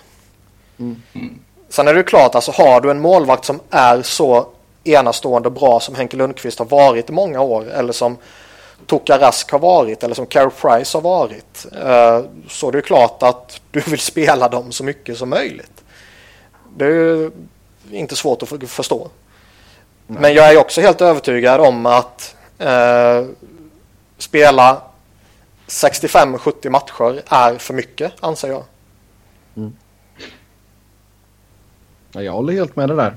Och jag menar, Sen hamnar du ju då i dilemmat nu, alltså vissa lag om deras målvakt spelar 55 matcher så är det för få matcher för att de ska kunna ta sig till slutspel. men det känns ju inte riktigt som att Rangers är i den sitsen. Eh, nej, det tycker jag väl inte. Speciellt inte Och det var, nej, nej, nej, jag menar inte de här nu. Just det, men för vissa lag kan det vara ett, ett stort problem ju. Mm. Jo, alltså vissa lag behöver ju överjävliga målvakter bara för att ens vara med i diskussionen om en slutspelsplats. Ja. Men Mm. Rangers är inte i den situationen. Nej, Så och att om, han jag, får sitta, om han får sitta på matcher, ja, det gör ingenting. Han får gärna sitta ett par matcher till sen lite längre fram mot våren så han är fräsch i slutspelet. grejen blir, jag, jag tycker, jag, jag, jag, det håller jag med om. Eh, men det är ju en jävligt stor grej det här. För det är ju inte ofta som en sån superstjärna är petad i så här många matcher i rad. När han är frisk och i speldugligt skick. Mm. Eh, Det är bara att blicka tillbaka antingen bara några få år eller väldigt många år och se hur många, nu har inte jag gjort det, men se hur många av de här riktigt stora spelarna som någon gång var petade i fyra matcher i rad när de var friska. Mm. Det har nog inte han skett jättemånga gånger. Var han petad i den första eller var Nej, det... någon, någon, någon var väl sån här naturlig vila liksom och förmodligen blev det väl den Precis, första då. Sen, Och sen, sen blev han petad några till därför att Ranta stoppade ja, allt. Ja. Jag tycker väl att det är... Jag, jag tycker egentligen inte att det är en så stor så stor grej även om sannolikheten är ju vem tror du vem tror du är mest sannolik att han eh, stoppar Alltså ve- vem är mest sannolik att han stoppar mest antal skott i nästa match? Eh, Det är absolut Henrik Lundqvist. Liksom, så han hade ju förmodligen varit sannolikhetsmässigt det bästa alternativet i alla de tre matcherna. Sen så eh, är det ju sannolikhet och det är ju inte ödet liksom som man pratar om. Men, men han står ju nästa. Eh, och det som Vigneault gjorde var väl bara att liksom löpa linan ut och så, så fort han torskar den så står Henrik igen. Ja. Eh, vinner Anta tio matcher i rad så jag menar ja. Då har han vunnit tio matcher i rad. Jo, jo Så- men alltså det... sen, ja, sen, ja. sen blir det ju från svensk media också för jag menar det är Henke Lundqvist. Eh, ja, det genererar klicks. det, är en, det är en story. Inte så mycket av en story men det blir ju en story på så sätt. Så, Klickmaskin. Ja, men, det, ja. Men ja, det är bara tänk om samma sak skulle ha hänt eh, Price. ja, Och det skulle ja, vara det enda som vevades i kanadensisk tv och kanadensisk radio och hemsidor och grejer. ja, jo, I, syn-. I synnerhet i Montreal. ja, Så det, jag, jag, jag tycker legitimt det är en stor grej. Sen är det ju inte, sen ska man inte överreagera eller överanalysera. Eh, Det är ju bara en, som jag ser det är det ju bara en tidsfråga innan Henke Lundqvist studsar tillbaka och blir Henrik Lundqvist. För tittar man på inledningen här har ju inte varit lika bra som vi är vana vid att se Henke. nej det har varit lite, Utan det, varit lite annorlunda. Ja, och det är väl lite samma grej som när vi pratade Sidney Crosby när han hade problem där innan uh, Sullivan kom in. att ja, Det är bara en tidsfråga innan man studsar tillbaka. Antingen tar det en vecka eller så tar det tre veckor eller så kanske det kan ta två månader. Men Mm. ibland händer saker och i grund och botten så är spelaren fortfarande så pass bra eh, att han kommer hitta tillbaka. Och Henrik Lundqvist är ju, även om det finns sista åren där på kontraktet lite eh, frågetecken i dagsläget tycker jag. Så är de kommande åren inga problem som jag ser det. Mm. Uh, en till fråga här angående Lundqvist. Uh, ska vi se. Om Rangers inte redan gör det borde de inte ta sig en rejäl funderare att trada Lundqvist medan han fortfarande är ett relativt stort namn då Ranta gjort det otroligt bra och nog är bra framtid för Rangers innan Lundqvist hamnar i samma sits för Rangers som Sedinarna är i, i Vancouver. Med andra ord inte värre ett dugg nästan inom ett, två år. Nej, alltså vi har ju pratat Rangers väldigt mycket. Just med tanke på hur mycket För de... mycket? Nej, nej. Det är alltid skoj, det är alltid skoj att hata på Rangers. Men vi har diskuterat väldigt mycket med tanke på hur mycket de har investerat i att vinna nu. Mm. Och skulle de nu hastigt och lustigt få för sig att trada Henke Lundqvist så plockar de ju bort en stor del av liksom själva försvaret i att man satsade så mycket. För det är ju han som är grunden till att man satsade. Och jag tycker fortfarande att Rangers är i ett läge där de mycket väl skulle kunna gå hela vägen. De har ju en forwardsbesättning som är väldigt bra. De har några backar som är eller de har en back som är väldigt bra och de har några backar som är OK och sen har de visserligen några backar som är rent skräp. Eh, och sen har de Henk Lundqvist och de har ju komponenter för att kunna ta sig igenom ett slutspel. Ja, Eh, sen- alltså, Plockar, plockar de bort honom känns- idag så försvinner ju en, den största komponenten.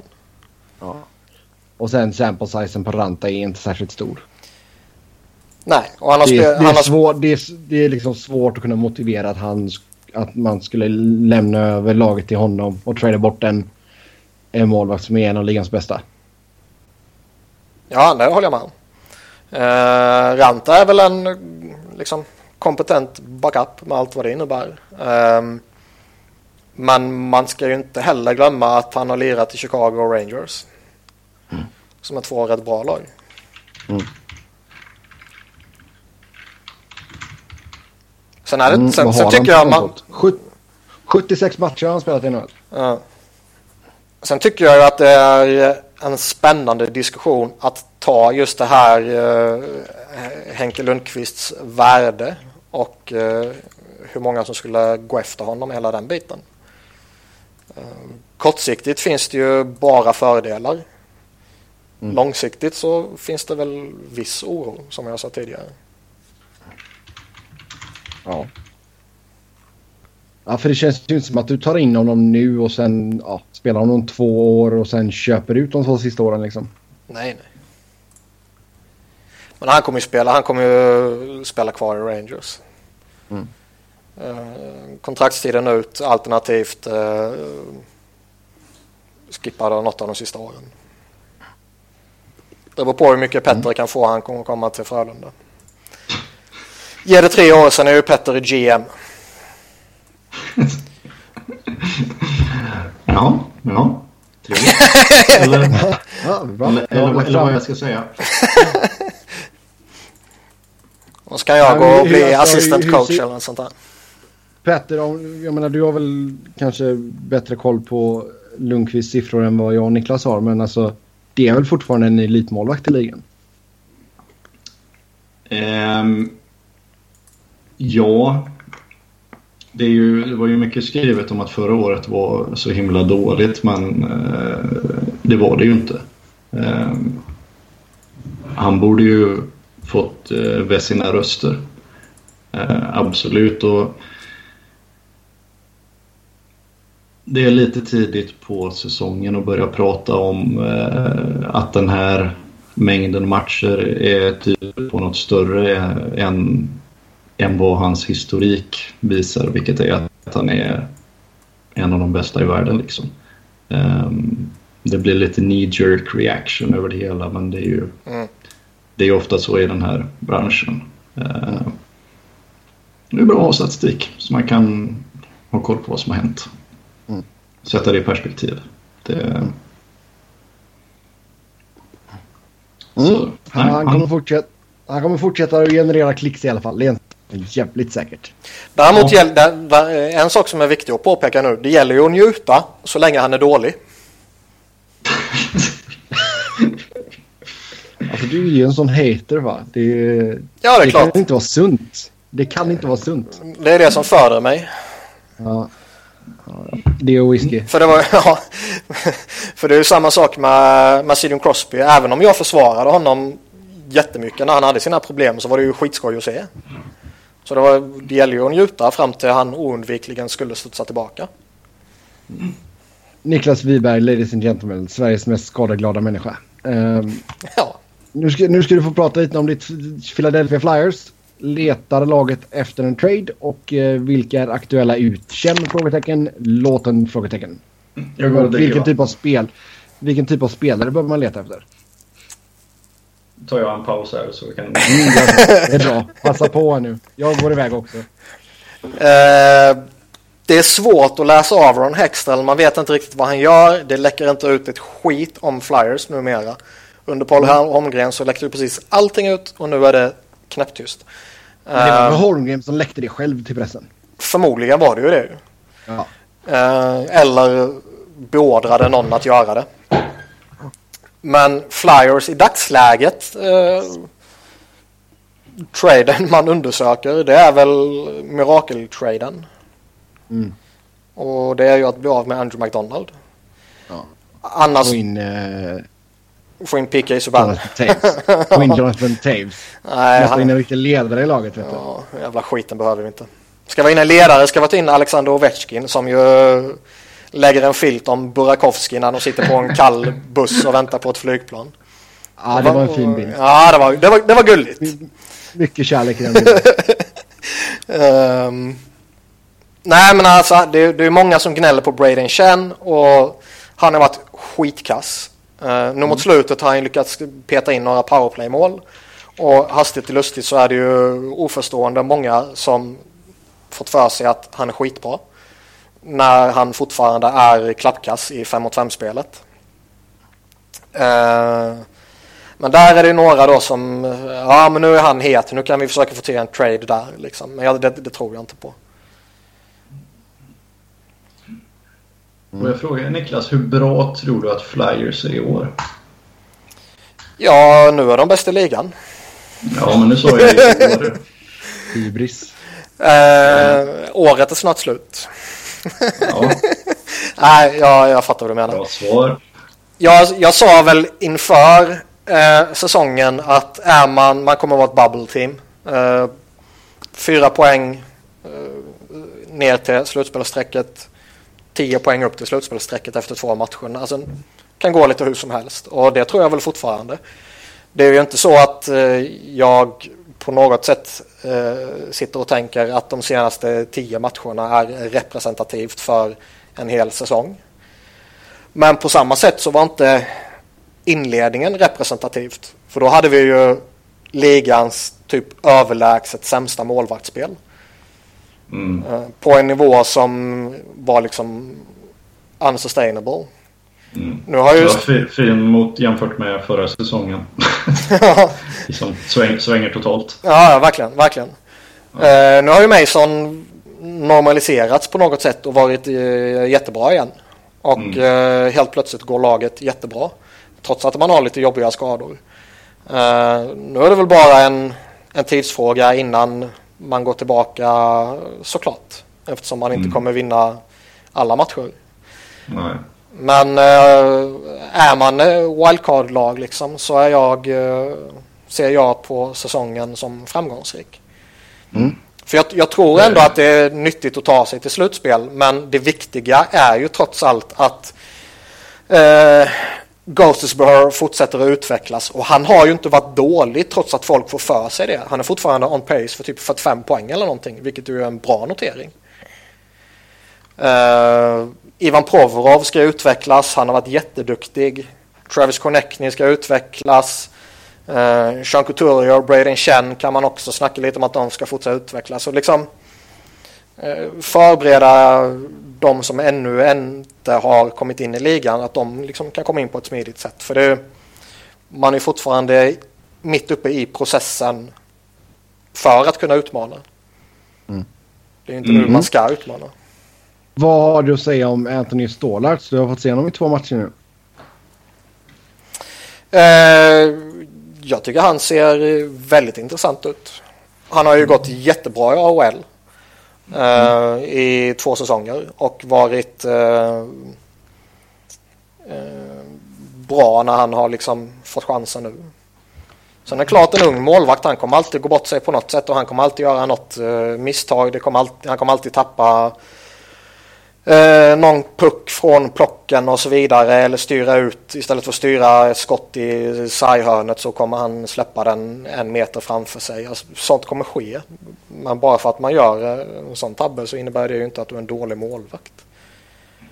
Eh, Vad, vad tycker du han ska få för stålars på nästa kontrakt? Ja, jävla göteborgare.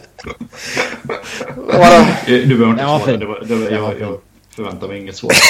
Nej, jag ska inte berika dig med ett försvar heller. Ehm, nej, men han är intressant, som jag har sagt tidigare också. Han är jätteintressant. Så tappar ni honom i expansion draften sen också. Det är ju surt. Ja, det är, det, det är jävla sits där alltså. Mm. Så vi, ja, vi fick inget riktigt bra svar där, men du fick uh, köta lite flyers. Det är ju kul i alla fall. Eh, borde Toronto trada bort eh, James Van Riemsdyk? Han har, eh, hans värde är väl helt okej? Jag... Eh, alltså om man, om man snackar det här om att de ska boosta upp sitt försvar och man ska offra någonting på den befintliga rosten så är ju JVR det naturliga alternativet. Eh, De andra kommer man ju antingen inte vilja släppa, Matthews och så vidare. Eller så har de begränsat eller obefintligt eh, värde. Mm. Nej, det, det är nog... Eh, du måste ju ge lite för att få lite. Ja. Och de behöver väl inte en breddback till utan de behöver ju någon... Prata om alltså en riktig top pairing pjäs. Mm. Eh, gärna högerfattad som alla andra lag vill ha. Eh, Typ en Kevin, Kevin Chattenkirk. Ja, typ en Kevin Shattenkirk. Um, och, och de kostar ju liksom. Ehm, när man sitter och följer eller om man ser lite sådana här trade proposals som skickar ut och studsar förbi eller om man går in på HF boards eller något sånt där så, så är det ju liksom de fansen som sitter och, och, och kokar ihop en trade. Antingen så är det ju liksom eh, reservdelar i någon slags package mot eh, någon som är en super elitspelare och så, Mm. eh, så eller så överskattar de ju sina egna spelare så gravt liksom så att de vill inte släppa den. Ja men nej men våran tredje left-winger är för bra, vi kan inte släppa han i en trade mot Jacob Truba eller vad det än är. Liksom. Så, ja, det, det, det är nog så, alltså de måste ju ge. Eh, och sen så har de ju forward prospects som kommer och JVR är ju 27 liksom så det är väl kanske kanske åldern för att, att försöka göra någonting av den tillgången man har. Mm. Det såg jag det har varit snack om eh, att Nylander har redan blivit nya Phil Kessel och sånt där och det är ju sjukt komiskt. liksom, att, de skulle, att de skulle vara beredda att släppa han eller något sånt där och det är ju så jävla pantat så det finns inte. Mm. Toronto. blir, blir, blir, blir han väl tradad för det. Men... ja.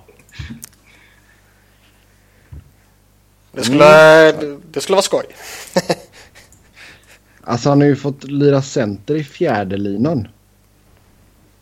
ja, men det var väl för att de hade skadad center och de hade ingen annan center i, på rosten tror jag. Mm. Och Babcock var ute och sa det att ska han, ska han spela center i NHL så måste han bli bättre i det defensiva. Mm. Ja, jo, det... Men det kan väl förmodligen ligga en poäng i det. Nylander är ju en superintressant spelare och en spelare som jag tror kommer bli, eller som redan är duktig och som jag tror kommer bli jätteduktig. Eh, Men just den här att ska han spela center i NHL så behöver han bli en bättre tvåvägscenter. Den tycker jag väl är en relevant eh, slutsats. Ja, men alltså fan hålla honom på kanten så kan han bli en e- elitkantspelare. Jo, Det är jo. inte säkert att han går, det är inte säkert att han går och blir elit som center. Nej. Sen är ju Babcock rätt känd för att ställa extremt höga krav på sina Mm. spelare. Herregud. Han har säkert stått typ 5 centimeter och skrikit honom i ansiktet. Ja, Nej, men det, Det- så det, det, det tror jag nog liksom det är ju och, och sen jag menar man, man får ju också se det någonstans att han han ser utvecklingspotential på ett område och han vill ju pusha och motivera spelaren att nå dit. Ehm, det är också så, sen så bara för att han säger att han... Jag menar, han försöker ju trycka på en knapp för att, för att få spelaren att bli bättre. Ehm, hur mycket bättre kan han bli på stickhandling och passningsspel och sånt där, där han redan är omänskligt bra. Liksom. Mm. Eh, då, då kanske tvåvägsspel och lite eh, defensive positioning och sånt där är... Ja, det är ju lättare att bli bättre på det än någonting som man redan är riktigt jäkla grym på. Det, så är det ju. Mm, mm. ja, vi får se vad som händer och fötter i framtiden där i Toronto. Eh, sen när ska Evander Kane få den stora sågningen? Stora med stora bokstäver. Jag Alltså- fattar inte riktigt den här frågan. Har inte alla redan tröttnat på honom? Jag tror det va? Det tycker jag väl att han har fått eh, sådär. Han har 8 poäng på 17 matcher. Om det är det som föranleder det vet jag inte. Men det är ju typ samma som han har haft som han hade förra säsongen. Så, ja. Plus att han verkar vara en ganska dålig människa generellt. Lite Jag så. vill, ju mer såga, jag vill ju mer såga personen Evander Kane. Ja, och det har vi gjort så några gånger också. Ja, han har ju gett oss anledning till det så hej. Ja, helt klart. Inte mer, inte mer än vad han förtjänar liksom. Nej, det, det känns som en liten bortslösad talang faktiskt. Nu är han så 25 liksom. Ja, det trodde man nog att det fanns mer när man såg hans uh, första säsonger där. Mm, Det, helt klart. det, ja. Mm. Så han är sågad både som spelare och människa. Bra. Det finns idag två svenska point per game-spelare. Erik Karlsson och Niklas Bäckström. Och eh, även om Bäckström kanske får svårt att hålla i det framöver. Eller, eh, jag kan nog hålla i ett tag till tror jag. Vilka andra svenska ser ni kunna bli säkra point per game-spelare? Forsberg? Frågetecken. Nylander? Frågetecken. Zibanejad? Frågetecken. De tre ligger bäst till enligt mig. Människan som skrev in den här frågan. Alltså grejen är att det är inte jättemånga spelare som blir point per game-spelare i dagens liga. Över 82 Nej. matcher. Vet ni hur många det är som är över point per game sista tre säsongerna? Nej. Ni får gissa, gissa hur många. Eh, då räknar jag inte McDavids med för han har inte ens spelat 82 matcher. Och så räknar jag inte de fyra killarna som hade en poäng i sin enda match. Jag skulle säga... ja, Jamie Benn. Ja, han är en av dem. Ja. Uh, är Sagan där uppe också? Det, tänker du säga? Är han Ja, det Tyler- eller är han inte? Talle, Talle Sagan. Ja, Sagan är där. Ja. Eh, Crosby behöver Eh, vara där. Crosby. Crosby är där. Kane är där ju. Kane är där. Eh, hinner vi få in någon av tvillingarna? Eller är det för sent? Ja, de är, de är, de är, de är inte med där så Nej. det... Jumbo Joe. Nej. Hur många mer är det? Du får ge oss siffran fall så får vi försöka gissa vem det är. Ja, det är en till där. En till, okej. Ja, shit. Är det Ovechkin? Nej. Nej. Rätt land. Rätt land. Malkin. Tarasenko. Fel position. Hörde du Malkin. Malkin? Ja. Malkin. Det är fem gubbar som de sista Ja. tre säsongerna har snittat över point per game.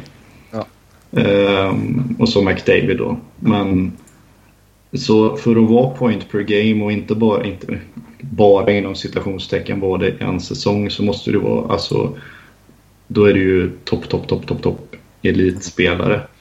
Uh, Beckis i, under de här sista tre säsongerna har 0,95 point per game. Erik Karlsson har 0,94 liksom. Det, Det är en så ruggigt bra. du har ju, några av de här är ju alltså sådana otroligt bra spelare. Så det finns inte. Eh, och det skulle ju vara som att Sverige skulle få fram en Erik Karlsson fast forward. Liksom den, den nivån av spelare. Någon som är med och utmanar om Art Ross, Art Trophy, de här varenda säsong. Mm. Ehm, och att någon ska bli säker, eh, det tror jag inte. Då, då känns det nästan som man inte har koll på hur svårt det är att vara en point per game-spelare i NHL. Det, det känns Nej, som lite så. Och, men, och det, det tycker jag man hör lite eh, hela tiden att nästan alla sådana här stjärnor bedöms utefter om de blir point per game-spelare eller inte. Ja, fan gör du, gör du över 55 poäng så är det ju i princip first liner i NHL. Ja, och, och det- gör, gör det någonstans ju typ eh, kring tredje linjespelare i gamla tänket eller vad man ska säga. Ja. Nå, någonstans, Eh. någonstans blir väl typ 70 poäng har väl typ gått och blivit nya point per game på något sätt. Ja, absolut. Det, är- det är ju bara att kolla hur många gör 30 mål på en säsong. Det är inte så jävla många. Ehm,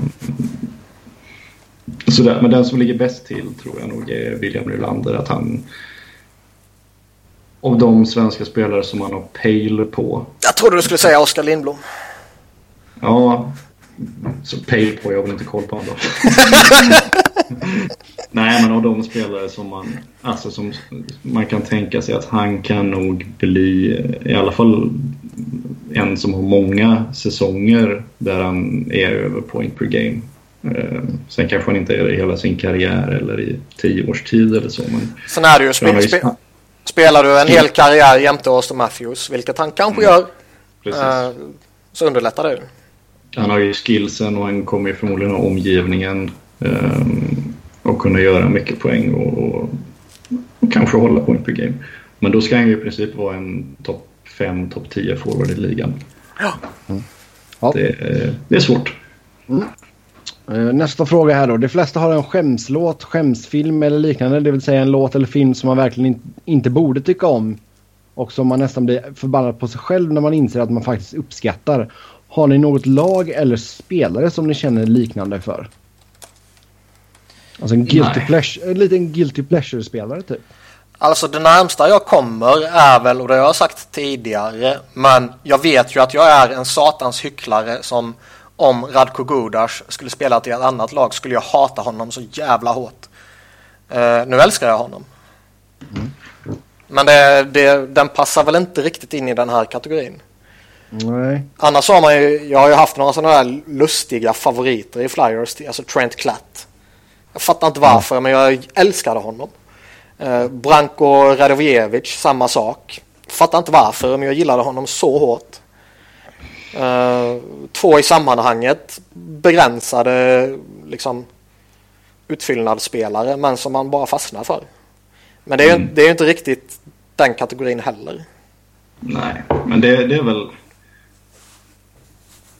Man har väl spelare som man tycker om men man har samtidigt inga illusioner om hur bra de är. Eller hur in, inte bra de är. Det är väl sådana grejer som man har då.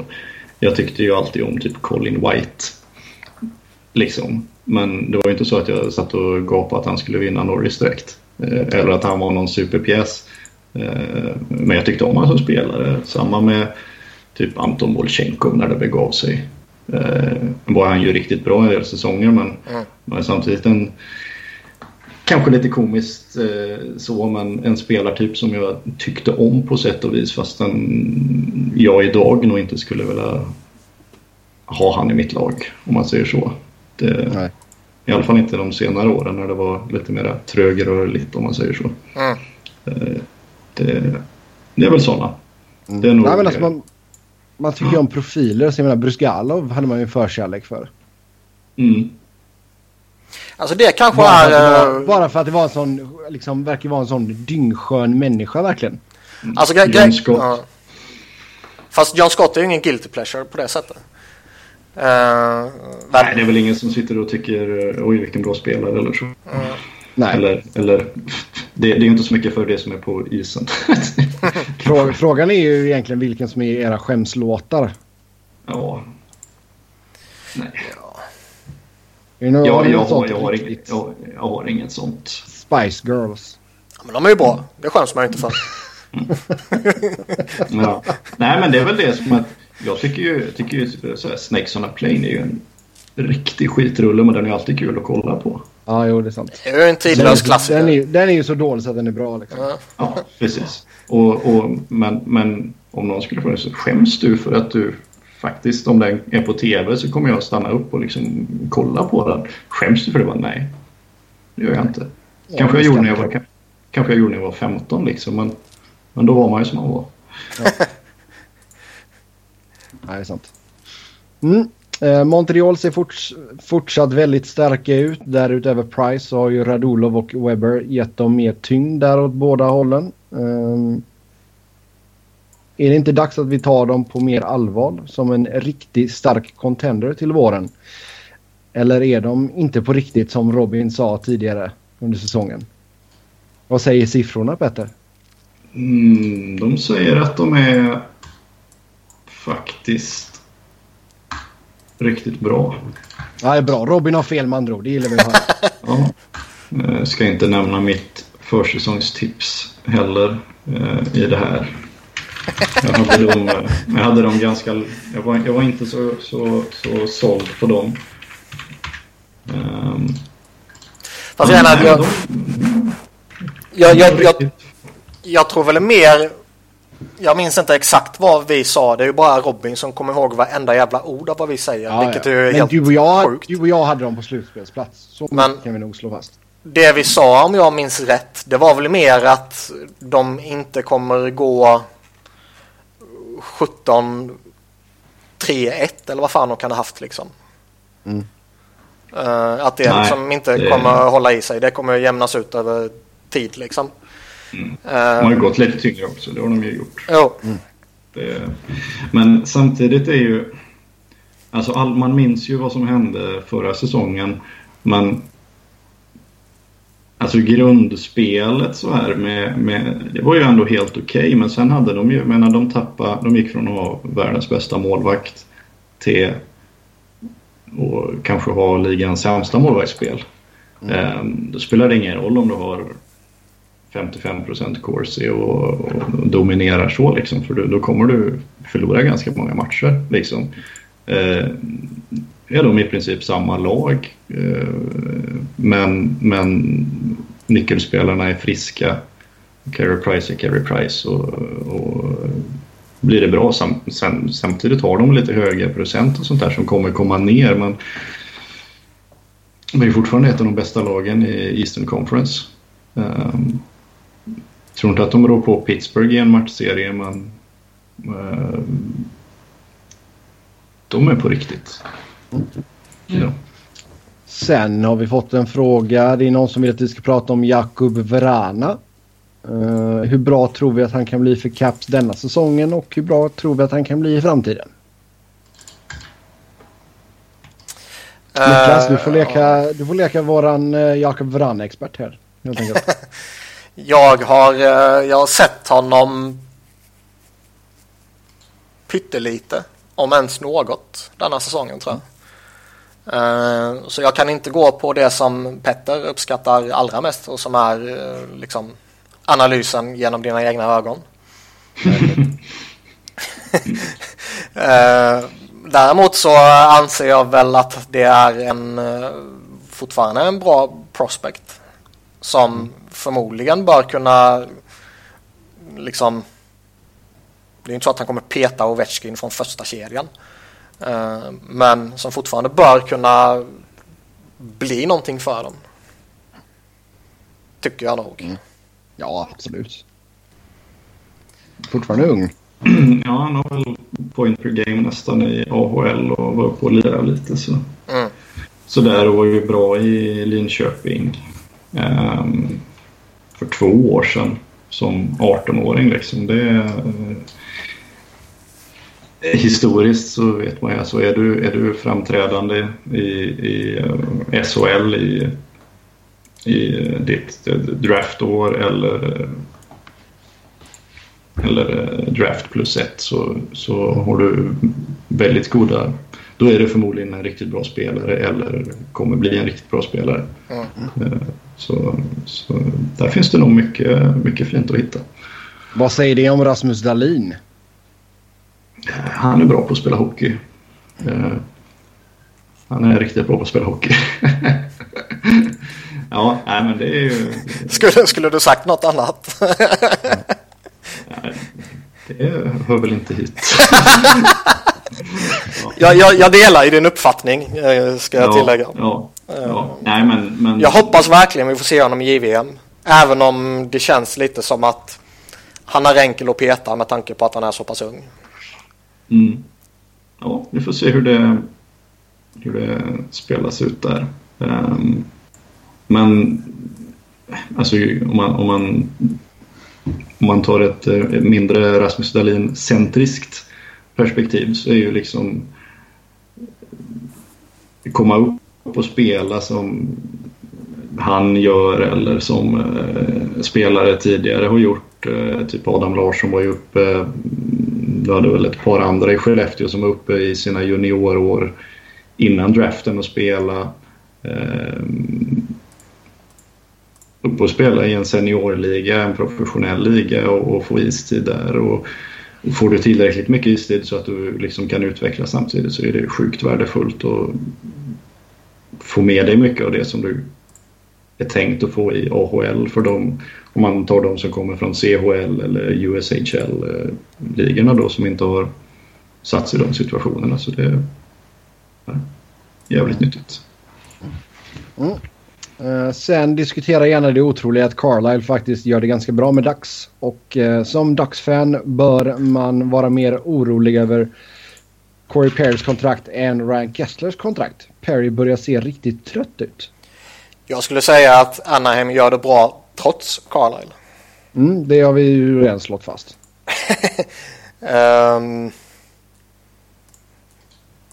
alltså de, de har så pass många bra spelare att uh, även om du har en coach som är konstig så kommer de i grunden bra spelarna uh, fortfarande kunna vinna matcher.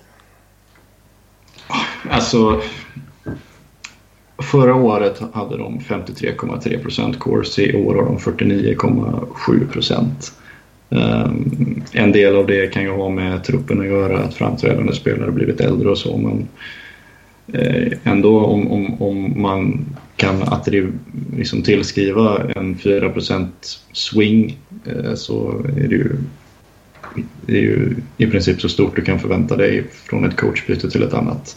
Mm. Mm. Det är, det är jävligt stor skillnad. Så jag vet inte om jag skulle dela eh, den frågeställningen.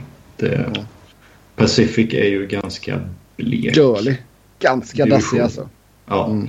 Så eh, du kan ju gå helt okej okay som lag utan att det ser så sådär. Men hade du satt det laget i Metropolitan vet jag inte hur, hur de hade gått. Till exempel. Så, ja. Ja, det svänger snabbt då. Det var inte många år sedan vi hade Pacific som en av de starkaste divisionerna. Nej, och var det lockout-året som Metropolitan var så urusel eller om det var säsongen efter eller vad då. Eller mm. den skulle vara i alla fall. Och, ja. Det svänger ju fort. Det, det gör det. Mm, du kan säga att Corey Perry sitter på sju mål på 30 matcher så här långt. Mm. Um, Skottprocent på strax under åtta ganska många ass var han mm. väl. Sådär. Så stycken. Ja. Det kan ju vara att pucken inte går in och så slår någon annan in den. Det vet man inte. Nej, jag vet inte om jag... Jag vet inte om jag skulle vara mer orolig över det än Ryan Kesslers kontrakt. Det är nog... Det är nog ändå mer uppsida på det tror jag de kommande åren än på Kesslers. Mm. Uh, den åsikten delar jag också. Ja. Ska vi se. Är trada Crawford och signa Darling plus Panarin, Pana, Panarin, Panarin. Ett rimligt alternativ, Panarin. Är det ett rimligt alternativ för Chicago? Alltså här är väl lite... Henke Lundqvist, Antiranta. Ja, exakt. Vad, vad har liksom uh, Darling gjort för att man ska skicka bort en duktig målvakt? Det vet jag inte. Den känns lite... Nej, exakt. Man har Lars Johansson, vet du. Det, mm. det löser mm. sig. Alltså, jag, jag, ja. Crawford har ju... Han gjort det bra liksom och bevisligen så kan man vinna kuppen med honom, bla bla bla. Men eh, någonstans... Det gjorde man med Niemi också. Ja, någonstans tror jag väl kanske lite att hans siffror har dopats av ett bra lag. Men... Ja. Jo. Eh, men men det, det, är väl ändå en duktig målvakt i grunden. Sen... Petter gör sin bästa Robin-imitation där. ja. Sen, sen, sen, sen, är väl frågan snarare, vissa vill placera in honom typ topp 3, vissa säger topp 10. Mm. Men det, där kan ju också den skillnaden kan ju faktiskt vara minimal vissa säsonger eller i dagsform och så vidare. Uh, jag skulle väl inte skicka han helt förutsättningslöst och ge över ansvaret till Scott Darling. Det tycker jag väl är lite ansvarslöst. Mm. Mm. Men om man då vill ha kvar Panarin. Är det en spelare som man borde överväga att kanske offra då? Nej. Eller men, alltså, menar du offra Nej. Panarin? Nej, offra Crawford alltså. Vem, Ja. vem väger högst? Vem tror du har en störst inverkan på laget? Jag tror fortfarande behovet av en bra målvakt är större. Absolut. Eh, Det, Det, det skulle väl varit en helt annan sak om de skulle haft en jätteprospect som är redo att ta över idag. Då skulle man väl kunna offra Crawford för att kunna förlänga med Panarin. Men där är de väl inte. Mm. Och eh, även om Panarin är en extremt skicklig spelare och jätteintressant på jättemånga sätt. Eh, så liksom tycker jag fortfarande att det skulle vara oansvarigt att bara skeppa ut Corey Crawford. Mm. Sen kan man ju alltid väga in det här, okej vad skulle de få i utbyte? Tänk om de får hans ersättare i traden? Och så vidare och så vidare. Ja, men då blir det ju en annan fråga. mm. Ja, det är ju lite... Klart, ska du trada han så kommer han ju aldrig ha större värde än vad han har den här säsongen, det tror jag. Så är det ju. Eh, han är 31. Denna plus tre år till. Eh, men ja, samtidigt sitter han på en no trade och no move. Ehm, så jag vet inte riktigt. Det beror ju lite på vart de lyckas få eh, vart de lyckas få Panarin i, i kontraktsmässigt men det är ju inte så att de har något som de kan flytta på eller någon som är utgående. Deras ut, utgående kontrakt är ju Panarin, Panik, Jordan Tutu, Andrei Desjardins, Dennis Rasmussen, Brian Campbell, Michael Kempney och Mikael Rosvall. Liksom. Och det är bara Brian Campbell som tjänar över en miljon. Mm. Så jag menar, det addar ju inte upp till någonting heller. Nej. Ehm, Man har väl lite flyt att han är RFA i alla fall. Ja, det har de ju. Eh, och kanske kan peka på att du sitter i en bra situation och kan få ner han på så sätt. Men jag vet inte om du får ner han så jäkla mycket. Jag, eh, jag säger som vi har sagt tidigare, man borde tradat Brent Seabrook. Mm. Istället för att skriva det kontraktet med honom. Det är ju, alltså han, han är ju, eller Corey Crawford är ju lite, lite lustig så för han han fick, när han fick sitt kontrakt var han allmänt ansedd att vara överbetald. Mm.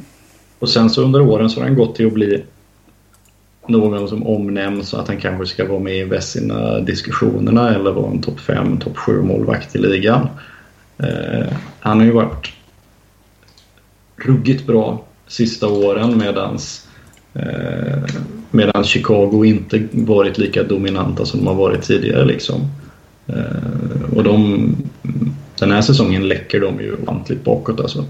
Det är ju, de har ju vet, jag, har inte koll, jag har inte hans räddningsprocent i huvudet men den var ju typ sådär 98 procent 5 mot 5 i 15 matcher och sånt där. Han var ju helt obscen. Eh, så jag, jag tillhör ju de som har han, han är ju närmare topp 3 än, än något annat för mig. Jag eh, gillar han jäkligt skarpt. Så Niklas har fel. Eh, det där kommer jag klippa bort. Okej. Sen... Eh, Tänkte kolla med er, ska vi se. Tänkte kolla med er vilka ni ser i förhållande till förväntningar som de största flopparna de fem till senaste tio åren. Är Pääjärvi, Fast och Brunström namn som ska nämnas?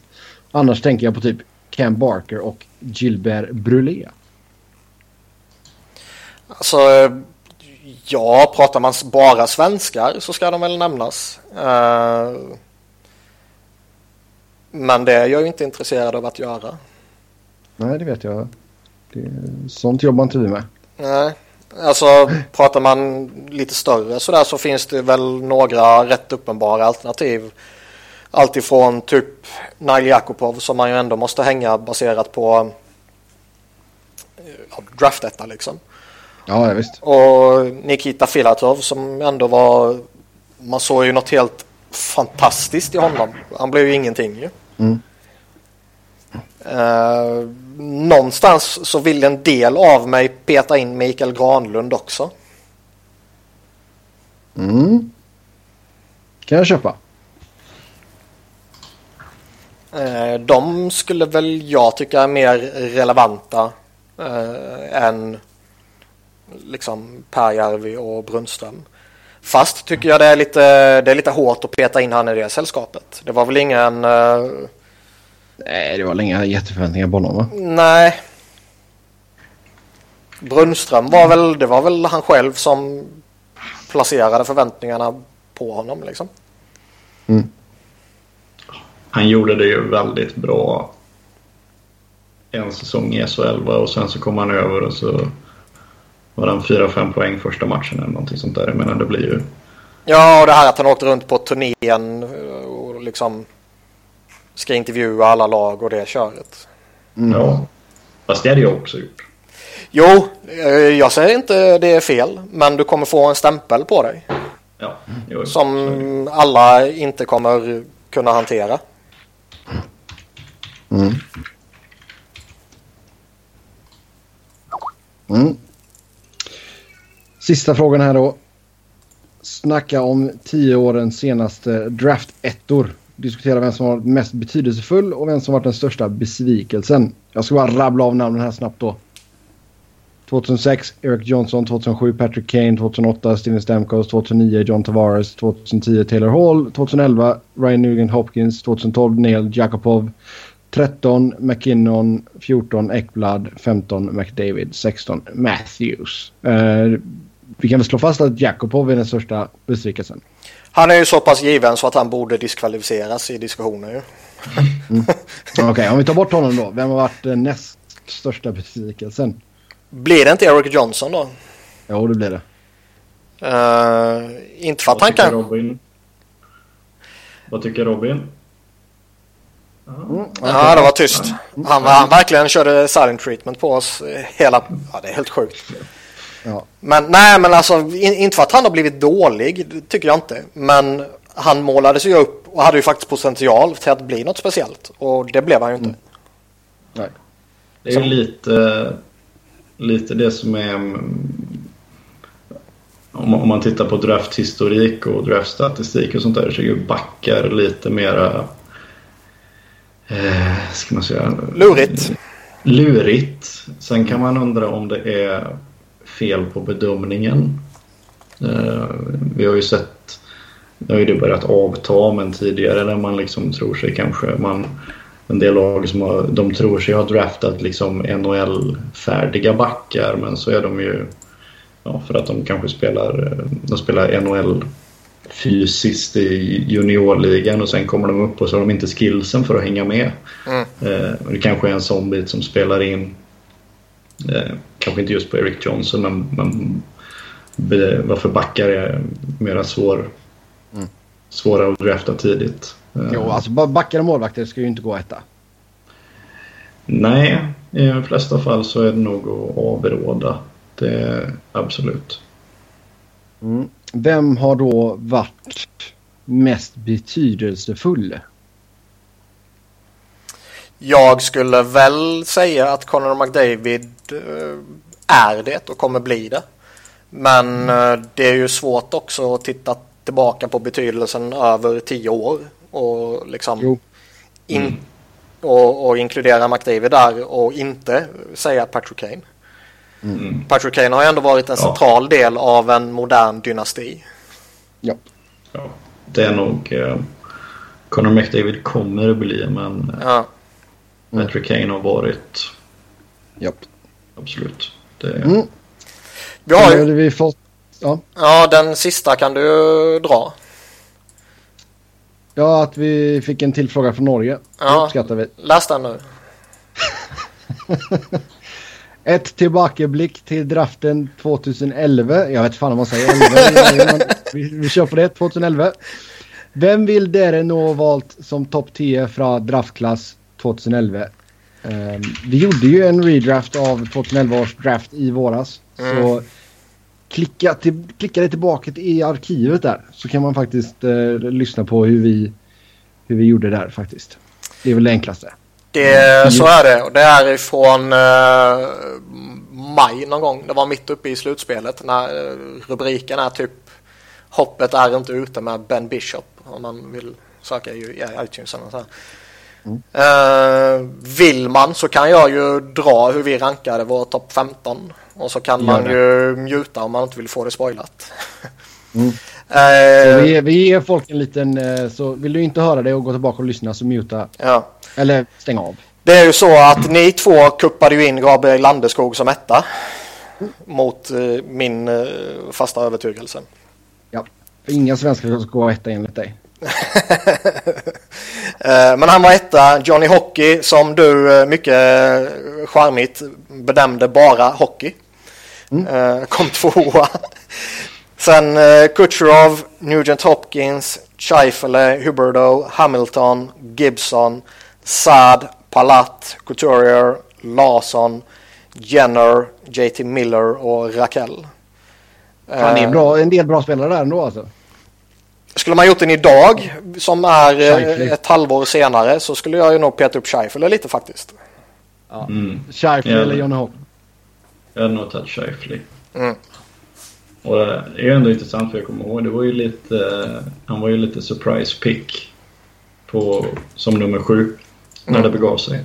Det var ju lite, uh, vad gör Winnipeg? Det var väl deras första draft också. Uh, det var lite sådär, oj vad gör de? Mm. Um, så, men han har ju blivit en riktig, riktigt jäkla bra spelare. Mm. Ja, den, för, den första kedjan alltså. Den är så underbar. Ja, den är, den är fin. Mm. Den är riktigt fin. Mm. Gör målet överallt. brum, brum. Det är bra. Göteborgs standard på podden idag. Det eh, med det så säger vi tack och hej. Som vanligt så går det bra att köta hockey med oss via Twitter. Mig hittar ni på Noren. Niklas på Niklas Wiberg, Niklas med C och enkel V. Och Petter hittar ni på numerärt övertag. Fast utan ö då såklart. Mm. Att utan numera, numerärt övertag. Exakt, det låter lite norskt nästan. numerärt övertag? Eh, ja, exakt. Eh, jag hoppas att ni inte har förpestat norskan för våra norska lyssnare. Eh, ni får ge mig... Eh, Tänk om det var danska? På... Nej, det var Norge var det. Är du säker på det? Eh, tänk, tänk om du har hånat hela Danmark och hela Norge nu? Hade det varit danska så hade jag inte kunnat läsa det. Så. Men vi säger jättestort tack till Petter för att du ville vara med oss. Ja, tack ska ni ha. Alltid roligt. Får vi, se, får vi se vad som händer med Robin i framtiden. Vi kanske wavar honom, vi får se. Det kan bli en trade. Ja. Nedskickat till, till miners. Vi får se. Ja. ja. Men tills nästa gång, ha det gött. Hej!